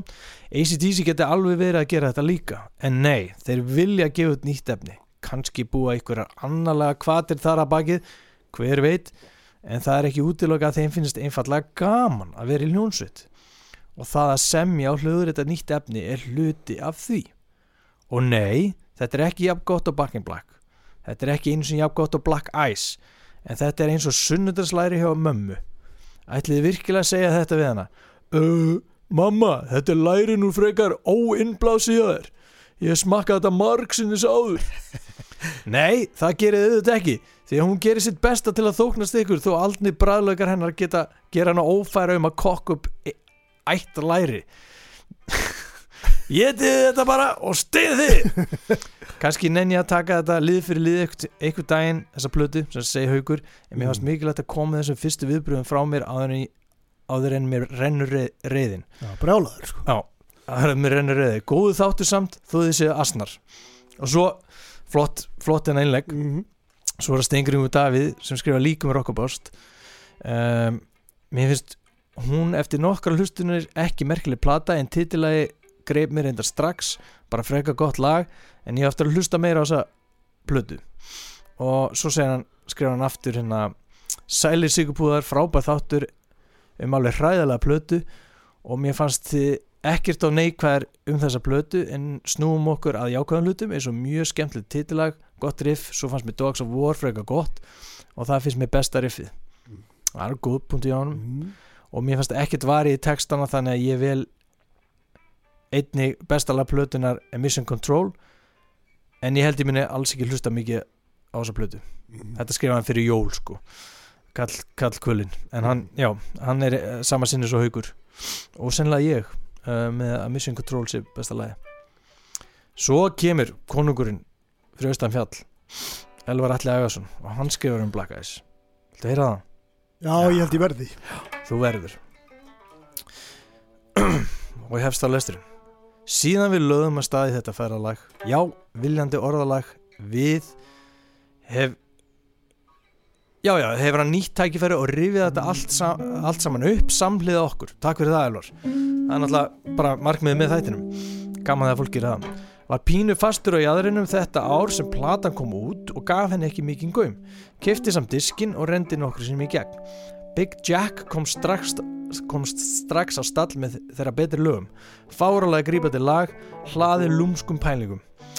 Riff sem nær yfir fjóra takta í fyrra hlutavers en er stitt og senkað um eitt slag í setni hlutunum að góð pundur þetta er forunlegt, ég seti mitt Big Jack á listamenn um, snögg skipting yfir í Harry Tóndið og Brian Johnson setur okkur í stellingar. Look out for Jack! He's on his way! Aður en við erum skyndilega stödd í einhverju brósmildasta viðlagi sem okkar menn hafa nokkru sinnum galdra fram. Flott hann hann kallar það Emmett. Emmett. Emmett það er svo mikið byrta í þessu. Nánstupu þurru en allt meikar þetta fullkomið sens. Það sem Rolling Stones bara góma í uppaði þáttar þá beði ég alltaf eftir að heyra samlíkinguna við Brown Sugar en fekk ekki. Það er að minnst að kosti hugreininga tennisla á milli þessar laga hjá honum Elvari. Og við höfum nefnt Brown Sugar örgulega tvísvar í þessi sirpu okkur. Aha. Já. Uh, ég man ekki alveg hvað þáttum það var. Uh, en hann segir að, að þetta hennar Brown Sugar orsa, hennar tengingi orsakast líklega af þessu Bjarta Angus Young uh, lít í viðlæðinu sem þú veist að spila Mm -hmm. Gjössalega frábært lag en af einhverjum ástæðan let ég þar við sitja og pældi ekki mikið meir í plötunni fyrir en nú ég get tekið undir flest þess- það sem þið segið. Platan er stór skemmtileg Brian Johnson fyrir á kostum. Kristatart sound en ekki á kostnað umfsins og hún hljómar eins og það hefur verið gaman að búa hana til. Vissi ekki að veikindum að, að veikindi Malcolm næði svona langt aftur en ef einhverjar áhyggjur á heilsu hans hafa verið til stað þá voru þær velfaldar annað sem er því miður rétt hjá ykkur er að hún er allt of laung þó reyndar séu færri fillarar en með myndi flest reyna lögin vel í gegn eitt og sér en ef stefna er sett á skotelt heldastiki þá eru 40 mínútur hæfulegu skamtur af ACDC Ég veit ekki hvort ég taki heilsugur undir það að þessi plata sé eitthvað sérstaklega fjölbreytt en við skulum nú fara varlega með hugtakið experimental til að gengisfella það ekki endilega. Sögðu við að hann var tilröðunarkend? Black Eyes? Já, fjölbreytt Fjölbreytt, það er ekki saman tilröðunarkend. Já, já. En, en við vissum, en við fáum vissilega upp nokkra hliðar á teiningnum. Í mínum huga er þetta annar léttleikandi ACDC pakki í anda Stiffable Lip þó betur unnin og betur frá genging. Þrjára hálfa fimm, segir Elvar, um Black Eyes, sem er við efri mörg. mm.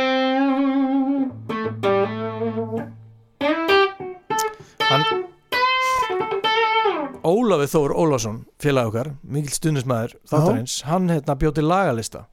Hann, hann, hann heyrði það sem við töluðum um í Black Eyes og hann væri of laung og ég held að hann hefði búið til tíu laga Black Eyes plötu innan gæslapa Mm. og á Spotify ég mitt búin að posta því alltaf sama platan hópin og ég var að hlusta á þetta í morgun þetta er bara virkilega góð pæling sko Já, hjá honum, hann hefði verið góður hvað segir maður, pródúser einmitt upptökustjóri. Já, á þessar plötu. Það má, það má leika sér með þetta maður. Taka þessa 15 laga plötu og gera sína einn útgáðu af henni. sannlega sko. Hvað sagði já, já. Svo, þetta er, hvað er- þetta er hellingur sko. Hvað er að gerast hérna?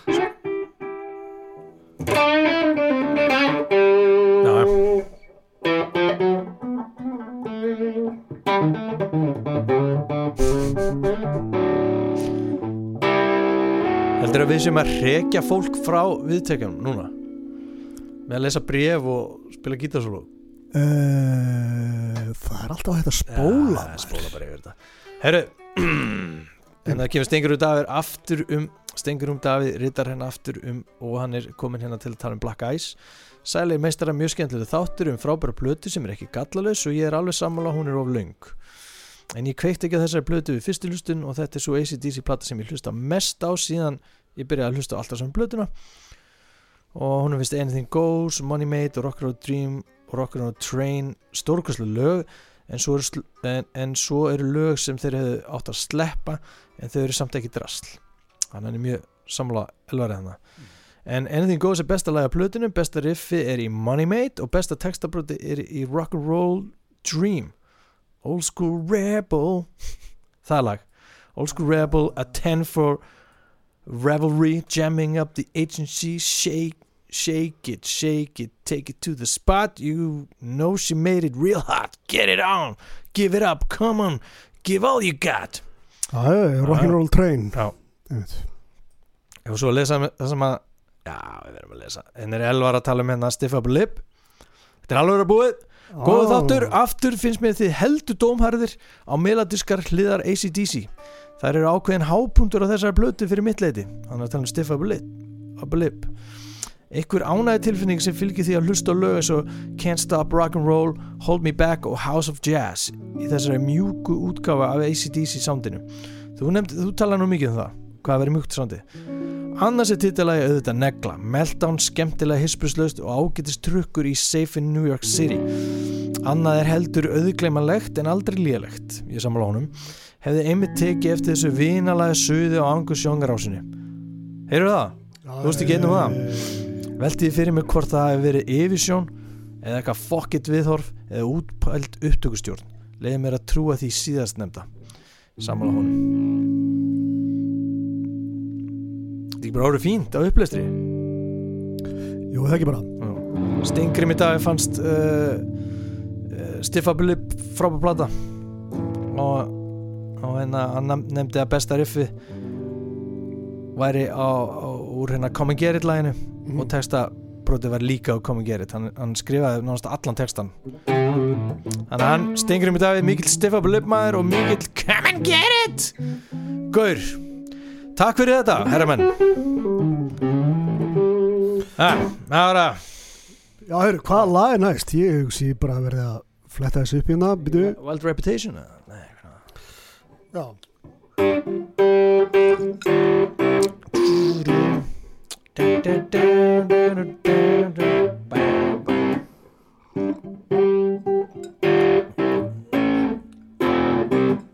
Þetta er drullu nett. Já, hérna. Já, já. Þetta er Það er skemmtilegar hljómapælingar hérna í, í byrjun á þessu lagi. Mm. Mér finnst þetta lag sko framvindan og eins og við viti ekki alveg hvernig eiga hvert er ég að fara með þetta lag sko. Mér finnst þetta já, byrja, byrja rosa vel en miss dampurinn dettur einhvern veginn úr Já. öllu saman býsna fljótt veit ekki hvað er sko það kemst bara einhvern veginn ekki á stað veist mér það lofar góði byrjun og svo bara einhvern veginn kemst það ekki á flug Já. hvað veist þér? Ég, veist, eins og með svo mörg lögasæri blötu, þetta bara, þetta nær mér ekki. Hvað er að? Smári, akkur er næra því? Já, þetta er bara þetta er bara Já, og getur spakrættir bara svo ég týna eitthvað til. mér finnst flott að heyra bassan hann í byrjun þegar hann maður sjá?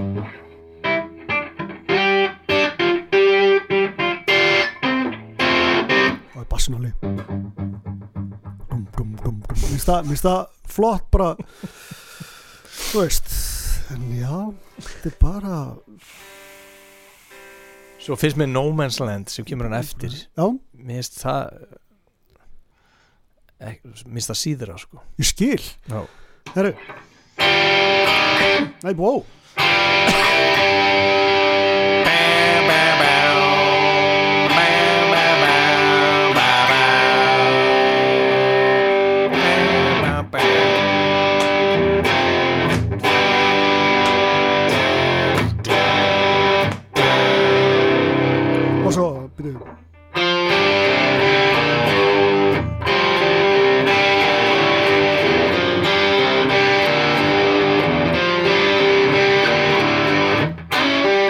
aftur. Já, ok.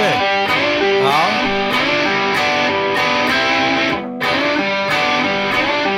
Já Smári.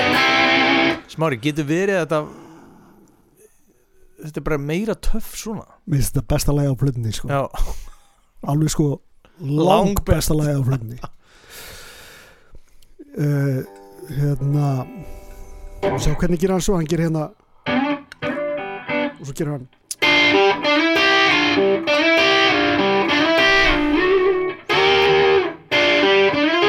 mm. fullt af feilunum. Þegar Já. Ég, ég er nokkuð vissum að hefði þetta lag búið að góma sko fyrr í alltaf sem er blöðunni bara seríunni og þá hefði ég kannski ve- verið kannski með meira hvað sem er, svona þolgæði til að greina lagið eins og, eins og maður gerði rosa mikið. Maður var alltaf að finna eitthvað flott en kannski bara komið þreita í mig bara getur vel verið. Af því að þú spilar þetta svona eitt og sér Já.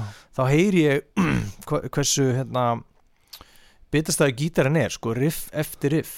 Og, og ég bara fæ það bara alls ekki inn í skrokkin og, og hérna solar plexusin sko þegar ég hlusta á plötuna. Mitt- þetta svo rosalegt lall. Og ég gerum alveg grein fyrir að hraðin á læginu er til að ná einhverjum áhrifum Mhm. fram. Mér finnst bara allt mér finnst þetta svo rosalegt lull í þessu lægi Já. og hérna en svo náttúrulega kemur óvart að, að, ekki óvart en ég er rosa gladur að, að þú sért hérna að verja heiður lagsins sko. Loksins Já, einmitt loksins. Þetta er sko, nú datt alveg úr mér hvað ég ætlaði að segja, hvað var það? Já, þetta er gítar solo löst lag já, já. það á það sammeilegt með til dæmis Money Made Mm. sem ég vist svona síðasta frábæra lagi sem að ACDC gerði Mm. uh, þetta lag er það er það er ekki það gott að ég svona hei, ég verða að heyra verða að heyra No Man's Land núna Mm. þetta kveikir ekki það mikið í mér ég, þú veist en mér finnst þetta en þú hattar ekki að spila þetta? Ja, þetta er nefnilega flott.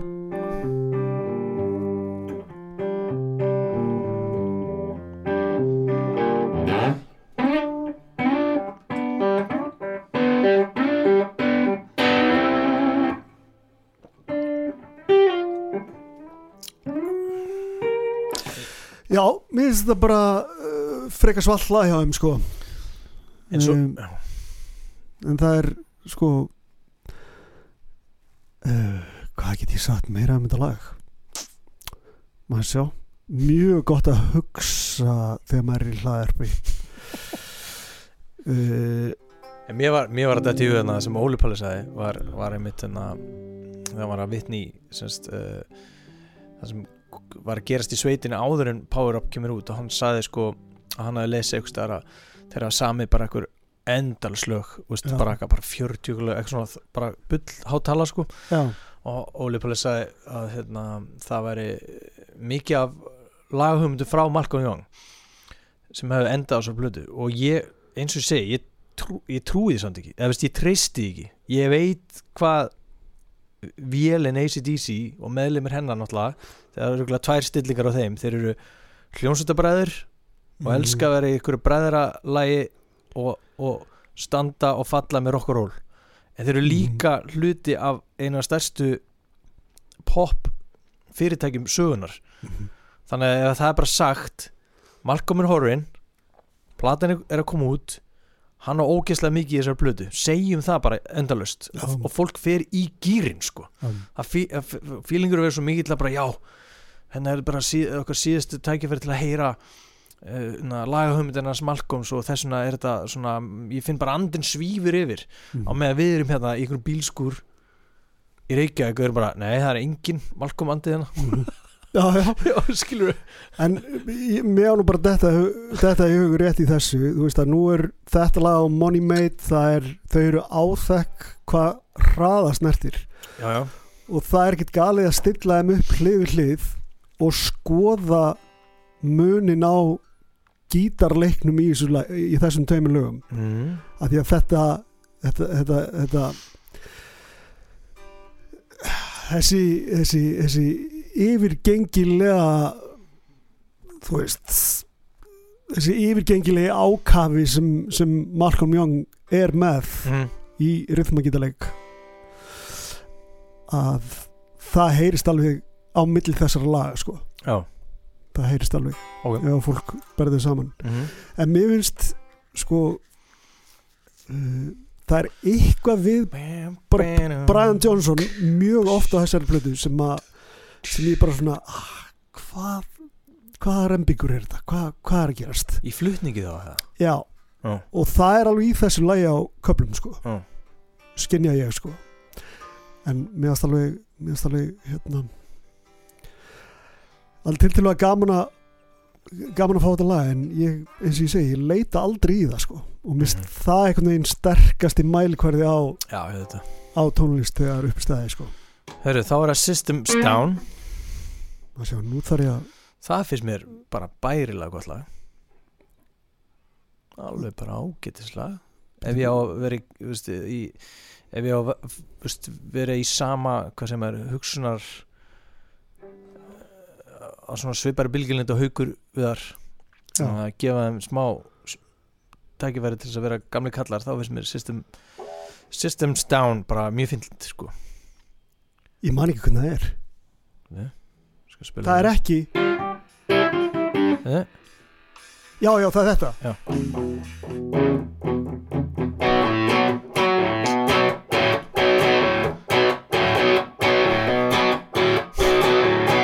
Þetta er einhvern veginn svona. Tekur, tekur svo við að þessi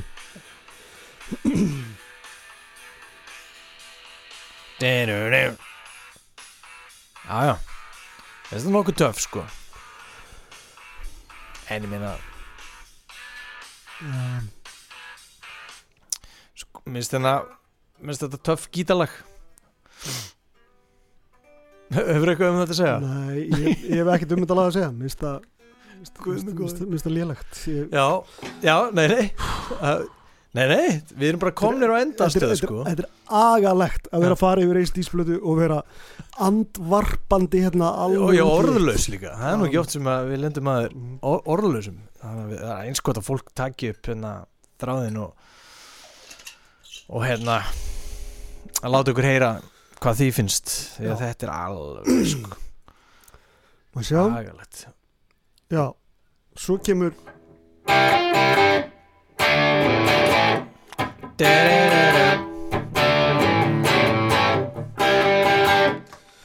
Money Shot Já Nú hvað?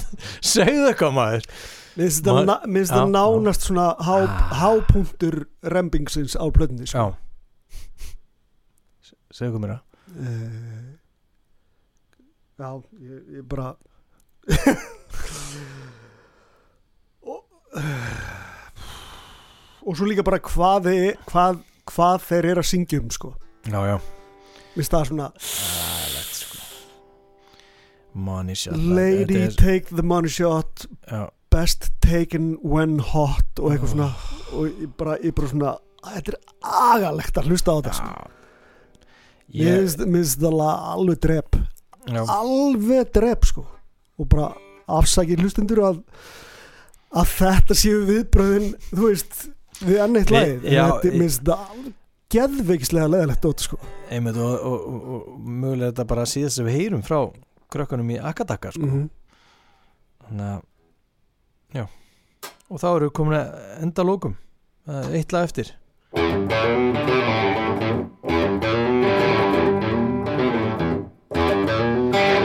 hvernig er þetta?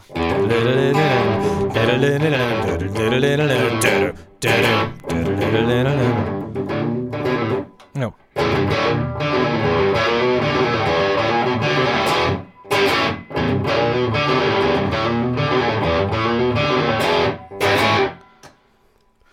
Du-du-du. Mm, Fire bright Fire light, fire in the night eitthvað svona í, alvöru í alvöru, hann syngur eitthvað svona.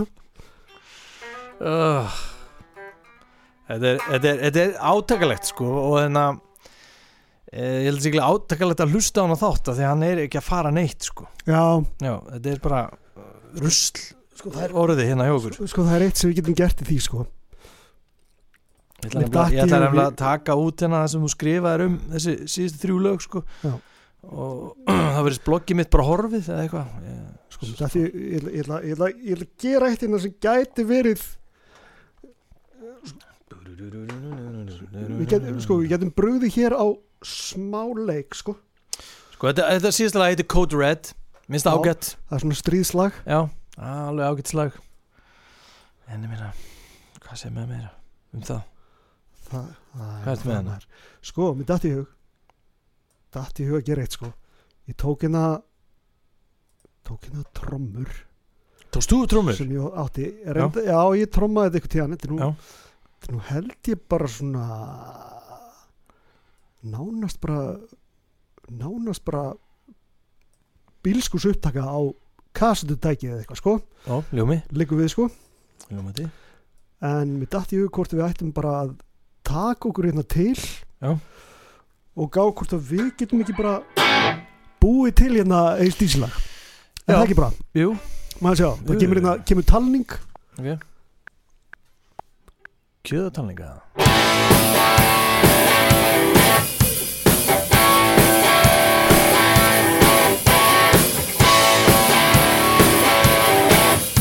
Og hann þessu afram með þetta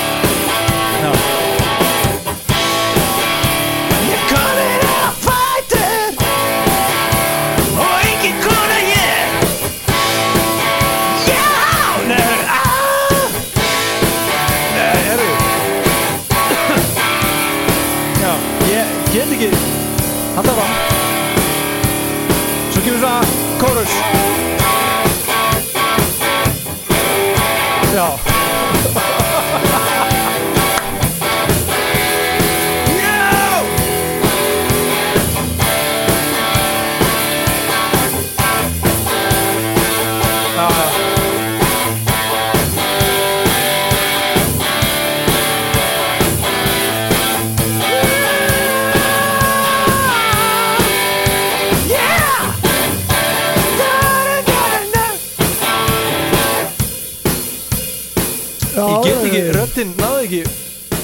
skiptið sem þið? Ég næði ekki Brian Johnson. Þetta var agalegt með þér Já, þetta var eitthvað. Þannig að Ég ætla að segja eitthvað. Komin á fætur. Með hvern mann mér við fætur? Nó, Eitthvað- Já, bara eitthvað fara þanga komin alveg hörku ACDC texti hérna inn Já, já, þú fær bara þanga En þannig að Já, já, þetta er bara ACDC lag. Svona hefur þetta verið bara Alltaf Alltaf þessi þess sem, að eru til svona mikið að Það gæsla bara svona mikið að lagahumdum fyrir þessar setjum tíma plötur Mm. Það sé bara eitthvað svona Þú bara samtir þetta bara hérna Já, já, þú veist hérna, í lifandi upptökum og ég hef svo sem ég, hef imbra á því áður að að, að gítarleikar sem er með, með, með sterka tilfinningu fyrir blues bluesgotnum rock gítarleik mm.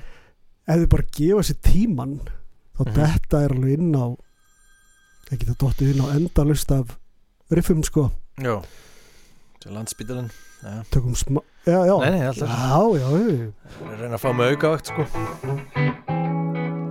Elskunar. En En hérna Það er nú bara uh, kannski tilvalið að bara nota þetta sem er hlje og koma sem er riff, blötunar og texta Svo bara sem- fara að slöfu þessu? hér Eða kemur hér kemur hlið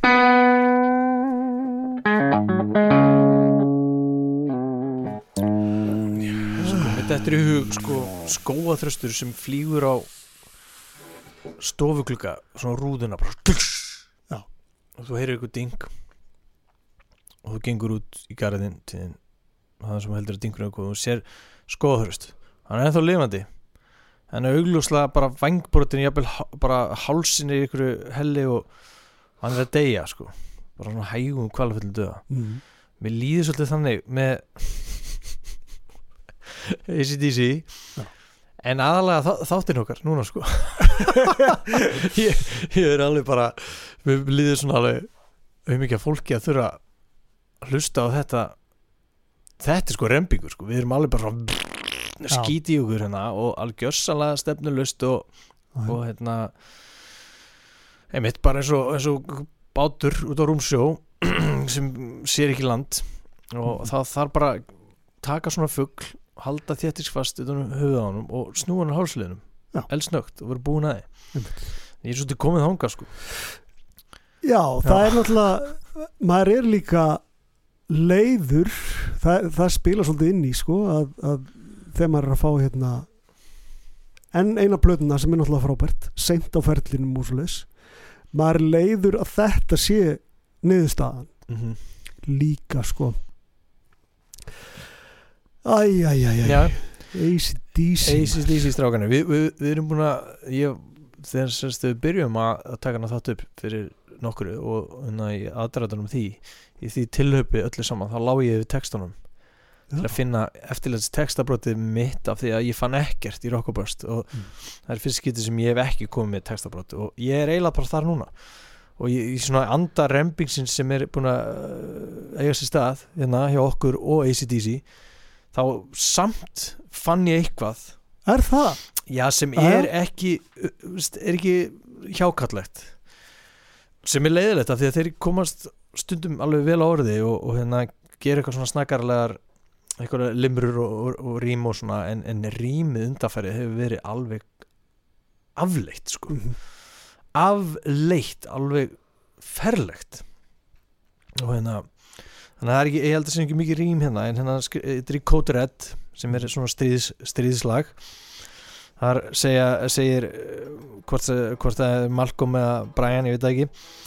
Loading, loading up the battery racing up insanity beating out the old time blues crawling up the walls sleeping on a waterfall belting out that tune.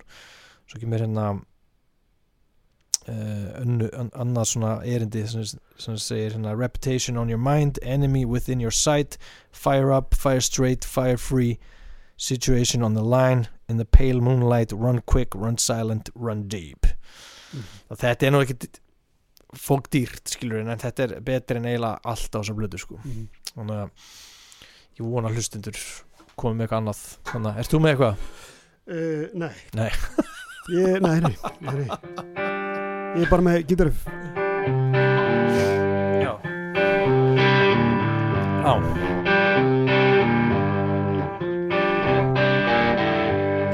Væri til í að spila hitt rétt býtu Mhm.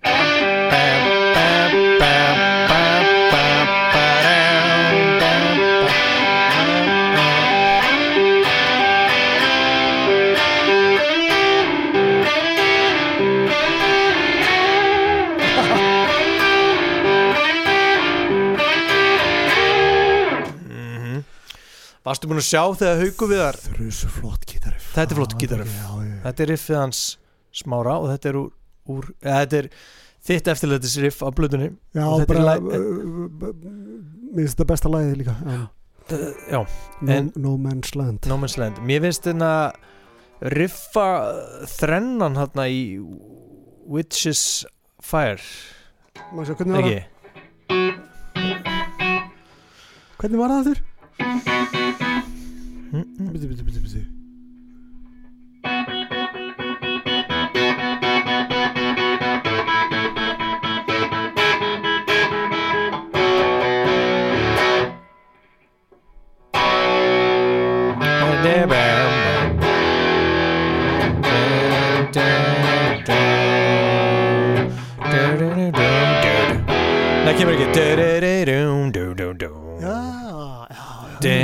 já Greinli Akkurat.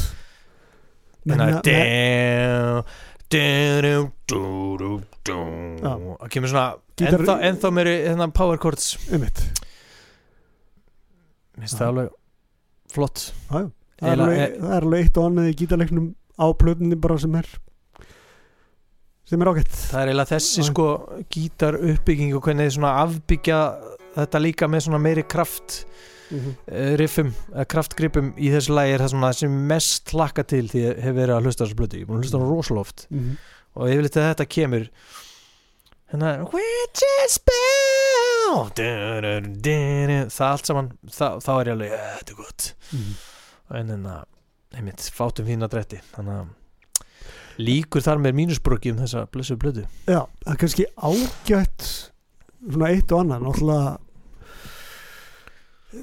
þessi þessi hlaðvarps uh, þáttaröð er ekki alveg á enda. Við ætlum að, við ætlum að vera með svona uppgjörs þátt já, uh, að lokum.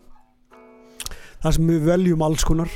Veljum alls konar og ég er opinn fyrir uh, hugdættum frá hlustendum um hvernig við ættum að ganga úr garði og hvað ættum að hafa með og, og, hverju um að stilla upp og fjallum og hvaða nú er sko, ég veit að Elvar allir mm. er að vinna í einhverjum geggjum pistli sko, Já, já, já. Ég sendi hann nokkra punta sem ég hugsaði svona var gaman henda þessu í veggin hjá Elvar og sjá hvað kemur tilbaka og ég, Mhm. við verum ekki verum ekki fyrir vonbröðum með það hugsa ég sko. En það er spurninga því að þessi þáttir er búin að vera svona ægileg jarðaför sko. Mm. Að við flytjum hérna eilitlar fréttir á eftir. Já, ég til. Af hérna hinum mannstu Já, uh, Fyrst langar okkur að nefna að, að, að Luxor er búin að fylgja okkur. Frá upphafi, nei, já, frá öð- Frá þætti upphafi. þrjú. já, já, já, Já. Frá Be Rock þættinum. Þá kom Óli ofur hérna, Sjællugur innabúðamaður og mikill luxor kanona sko Mhm. hann, hann hérna hugsaði með sér það er ekki nú, hljómar ekki nú vel þátturinn og ég ætla bara að láta hafa allskins græjur og fínir í til að aðstofa Mm. og gaf okkur alls konar fína punta og hérna svo fyndi að segja frá því sko að hérna það er næstu tvö ár sem við byrjum á þessu Já. og við erum ekki ennþá búin að versla heyrnatólina á hann ætla að finna ykkur svona heyrnatól fyrir okkur sem henda okkar þörfum og ég og Smári erum ekki með sömu þarfinar og hann er örugglega ennþá alveg hann er örugglega búin að gleyma þessu en hann, hann var alveg, já svo komið þið bara. Mm. að því að Luxor sko selur alveg helling af hágæða heyrnatólum Alls, allskins græðir sko í, í hinum þessu verflokkum og hérna og hérna eiginlega, veist, mér, mér er bæði ljúft og skilt sko að segja fólki frá því að það eru aðra búðir en Elko þegar kemur að svona eða skilur mig, það er svo mikið svona þegar Elko uh, faðumur Elko er víða sko og stór og víða og þetta er þægilegt en, en bara það að fara hann að heima sig í Luxor og aðtöku hvað þau eru að selja þá eru þau að selja alveg mikið af þessum hlutum sem við notum bara dagstæðlega Já. og fyrir utan allt, allt sem við höfum sagt frá oft og mörgum sem í öllum þáttunum, þáttunum það er að þú veist, Lux- Luxor getur búið til hljóðvist inn, inn á veitingastöðum og inn í verslunum og inn á skrifstofum hjá fólki að fólk er að spá í hljóðvistinni Mm. og hérna svo náttúrulega er þetta náttúrulega bara eina stærstu og, og, og flottustu hljóð og græjuleigum landsins Mhm. og gildir einu hvort sem við erum að tala um bara einhverja fermingavislu brúðkaup eða risa tónleika Mhm. ljósadóti allt en allt þetta leysir myndvarpa dót skilur þetta er alveg rosalegt sko þannig að sjóni sögur ríkari og hljóð er bla bla ríkara líka og að fara inn á luxor.is og fylgja þeim á öllum þessum samfélagsmiðlum. Og bara heyri þeim, senda þeim skilabóð á Facebook í gegnum skilabóð skjóðuna það er aldrei vitin um að Óli sé bara hinum endanum og bjargi deginum eins og hann bjargaði þessari Já, Þakkaði fyrir það, elsku takk vinnurinn mm. Heyrið mig, um, Já, þú ert með fréttapakka. Hvernig getum við leitt inn í þetta? Getum við, getum við hérna bitu, bitu, bitu, er, ekki, er, ekki, er, ekki, er ekki kannski tilvæg að þú sért með hérna, söguna tilurð þess sem þú, þú ætlar að segja frá af því þú ert svolítið svona þú ert svolítið hérna hvað sem er punchlineið í Er það? eða þegar ég segi frá, minnst það svolítið fyndið sko Herru, sérðu það sem stendur gain þarna sem er fjórði takkin frá hægri Nei, hæra, hæra megin fjórði takkin hækkaði hann aðeins. Og sjá, kemur ekki.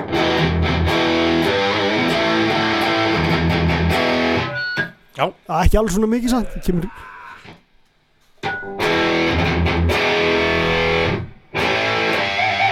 Já, já. Eitthvað svona, herðu, á ég að segja frá þessu? Byrju, byrju, hvernig gerir maður það?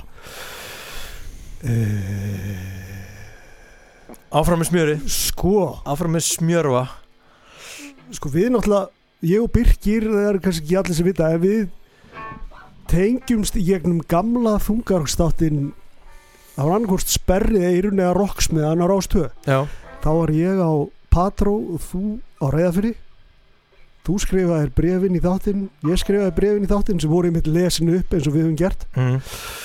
og síðan hittust við á Lækjartorgi Mhm. og það er 1980 og eitthvað sko. Já, eitthvað rögl og hingað erum við komnir og sagt, hugmyndi sem við fengum var að vera með svona almennan þungarokkstátt einmitt. Einmitt. Sko, já uh, þetta var ekkert voru góð saga eða? Nei, sko Ég get alveg sagt hérna Sett smá kjöt á beinina Því að þessi laust í höfuð mitt Sko, af því mér er svo gaman að gera alltaf saman platan Með þér. Mhm. En mér langaði líka að tala um eitthvað sem var, myndi standa mér nærri, nærri mínu, nærri mínu sérfræði sviði ef svo þetta segja, þó maður sé engin doktor sko í einhverjum fræðum en þá er ég ansið vel að mér í, í, í þungarokki og þessu gamla speed metal og svo thrash metal og döðurokkinu og svo illu hardcore og svona. Og líka bara síkildur okki Rainbow hefa borðað góma og Purple og svo framvegis. En, Mhm. en hérna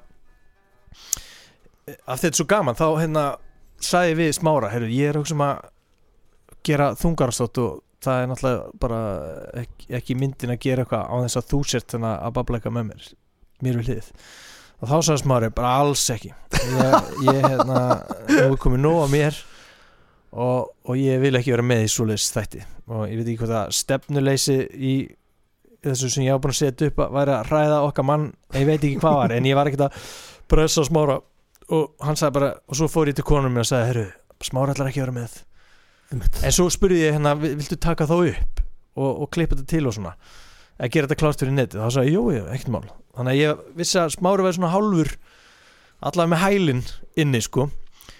Og svo þegar við vorum að svo var smári alltaf sína sko þegar við hittumst svona, að, hvað varst að spája að taka í fyrsta þettinum og ertu með eitthvað þemu og hvað ertu að spája að fjallum og svo varstu svo mikið að tala um þetta að ég Mm. sá alveg í hvað stemdi sko. Mhm. í hvað stemdi, þannig að ég sagði svona, maður vilti ekki bara fókin vera allavega þannig að það er kveikt á hljóðneimanum þannig að ef ég segi eitthvað og þá getur þú sagt á, ég sammála því eða eitthvað svona, það myndi já, já. koma svona nokkur orð frá þeir í, hverjum þætti þar sem þú myndi allt svo hérna einmitt ég myndi kannski segja, "Eh, hvað finnst þér um það? þá kemur kannski, já, mér finnst það bara fínt Mhm. Cannibal Corpse, já, já, Mhm. eitthvað svona og, og, og þannig tilfinning þannig en svo náttúrulega bara vatta upp á sig þannig að smáru þannig að ég var svona nei ég heldur mér svo þú að fyrra bara bara á ég ekki að vera bara með þér alveg. Alfarið. Þá þar með er þetta orðið bara verður þetta sama dýnamíku í alltaf sem blöðinu nema við bara fjallum um alveg förum um víðan vell í þungarokkinu og við erum alveg komið með efni í marga þætti við erum að taka upp kynningaþáttin og fyrsti þátturinn er ákveðin og hann verður ógeðslega skemmtilegur og annar þátturinn er ákveðin líka hann verður fárlega góður og, og ég er rosa spenntur Já, þetta verður, sko, það sem að, það sem að, hérna, það, það þyrmdi nú kannski yfir, yfir, yfir mér í, í því samingi að við værum að fara að taka svona plötu fyrir plötu eitthvað aftur, sko. já, já, Því að það er alveg meirin að segja það að mörgu liti. já er við gerum er- ekki trætt, ég og þú nema þegar þú ert að geta plötur en, en við, veist, við erum ekki með enna kostunadalega sem er að býða eftir, eftir ykkur, við erum ekki með mörg þúsund manns sem eru bara, herru hvað er næstu þáttur og við erum bara svona núvitundar menn.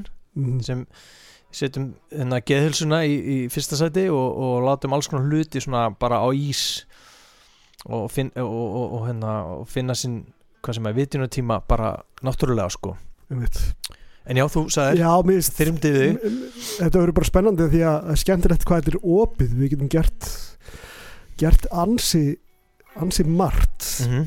innan, innan þungarokk, þungarokks rammans. Mhm.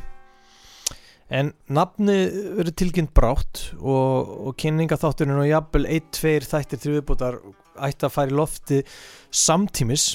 Uh, hvenar veit ég nú ekki. En fljótlega, ég myndi að mér ég var alveg til að byrja á því áður en við gerum uppgjörið sko. ACDC uppgjörið. Já. þannig að við erum með svona tvo bolta loft, á lofti í einu. Mhm. og ég vona að þetta bara leggist vel í fólk af því að það er að nóg að taka sko En já, já, já. Íslensk tungar okkur maður tökum það alveg. Djöfisir stemning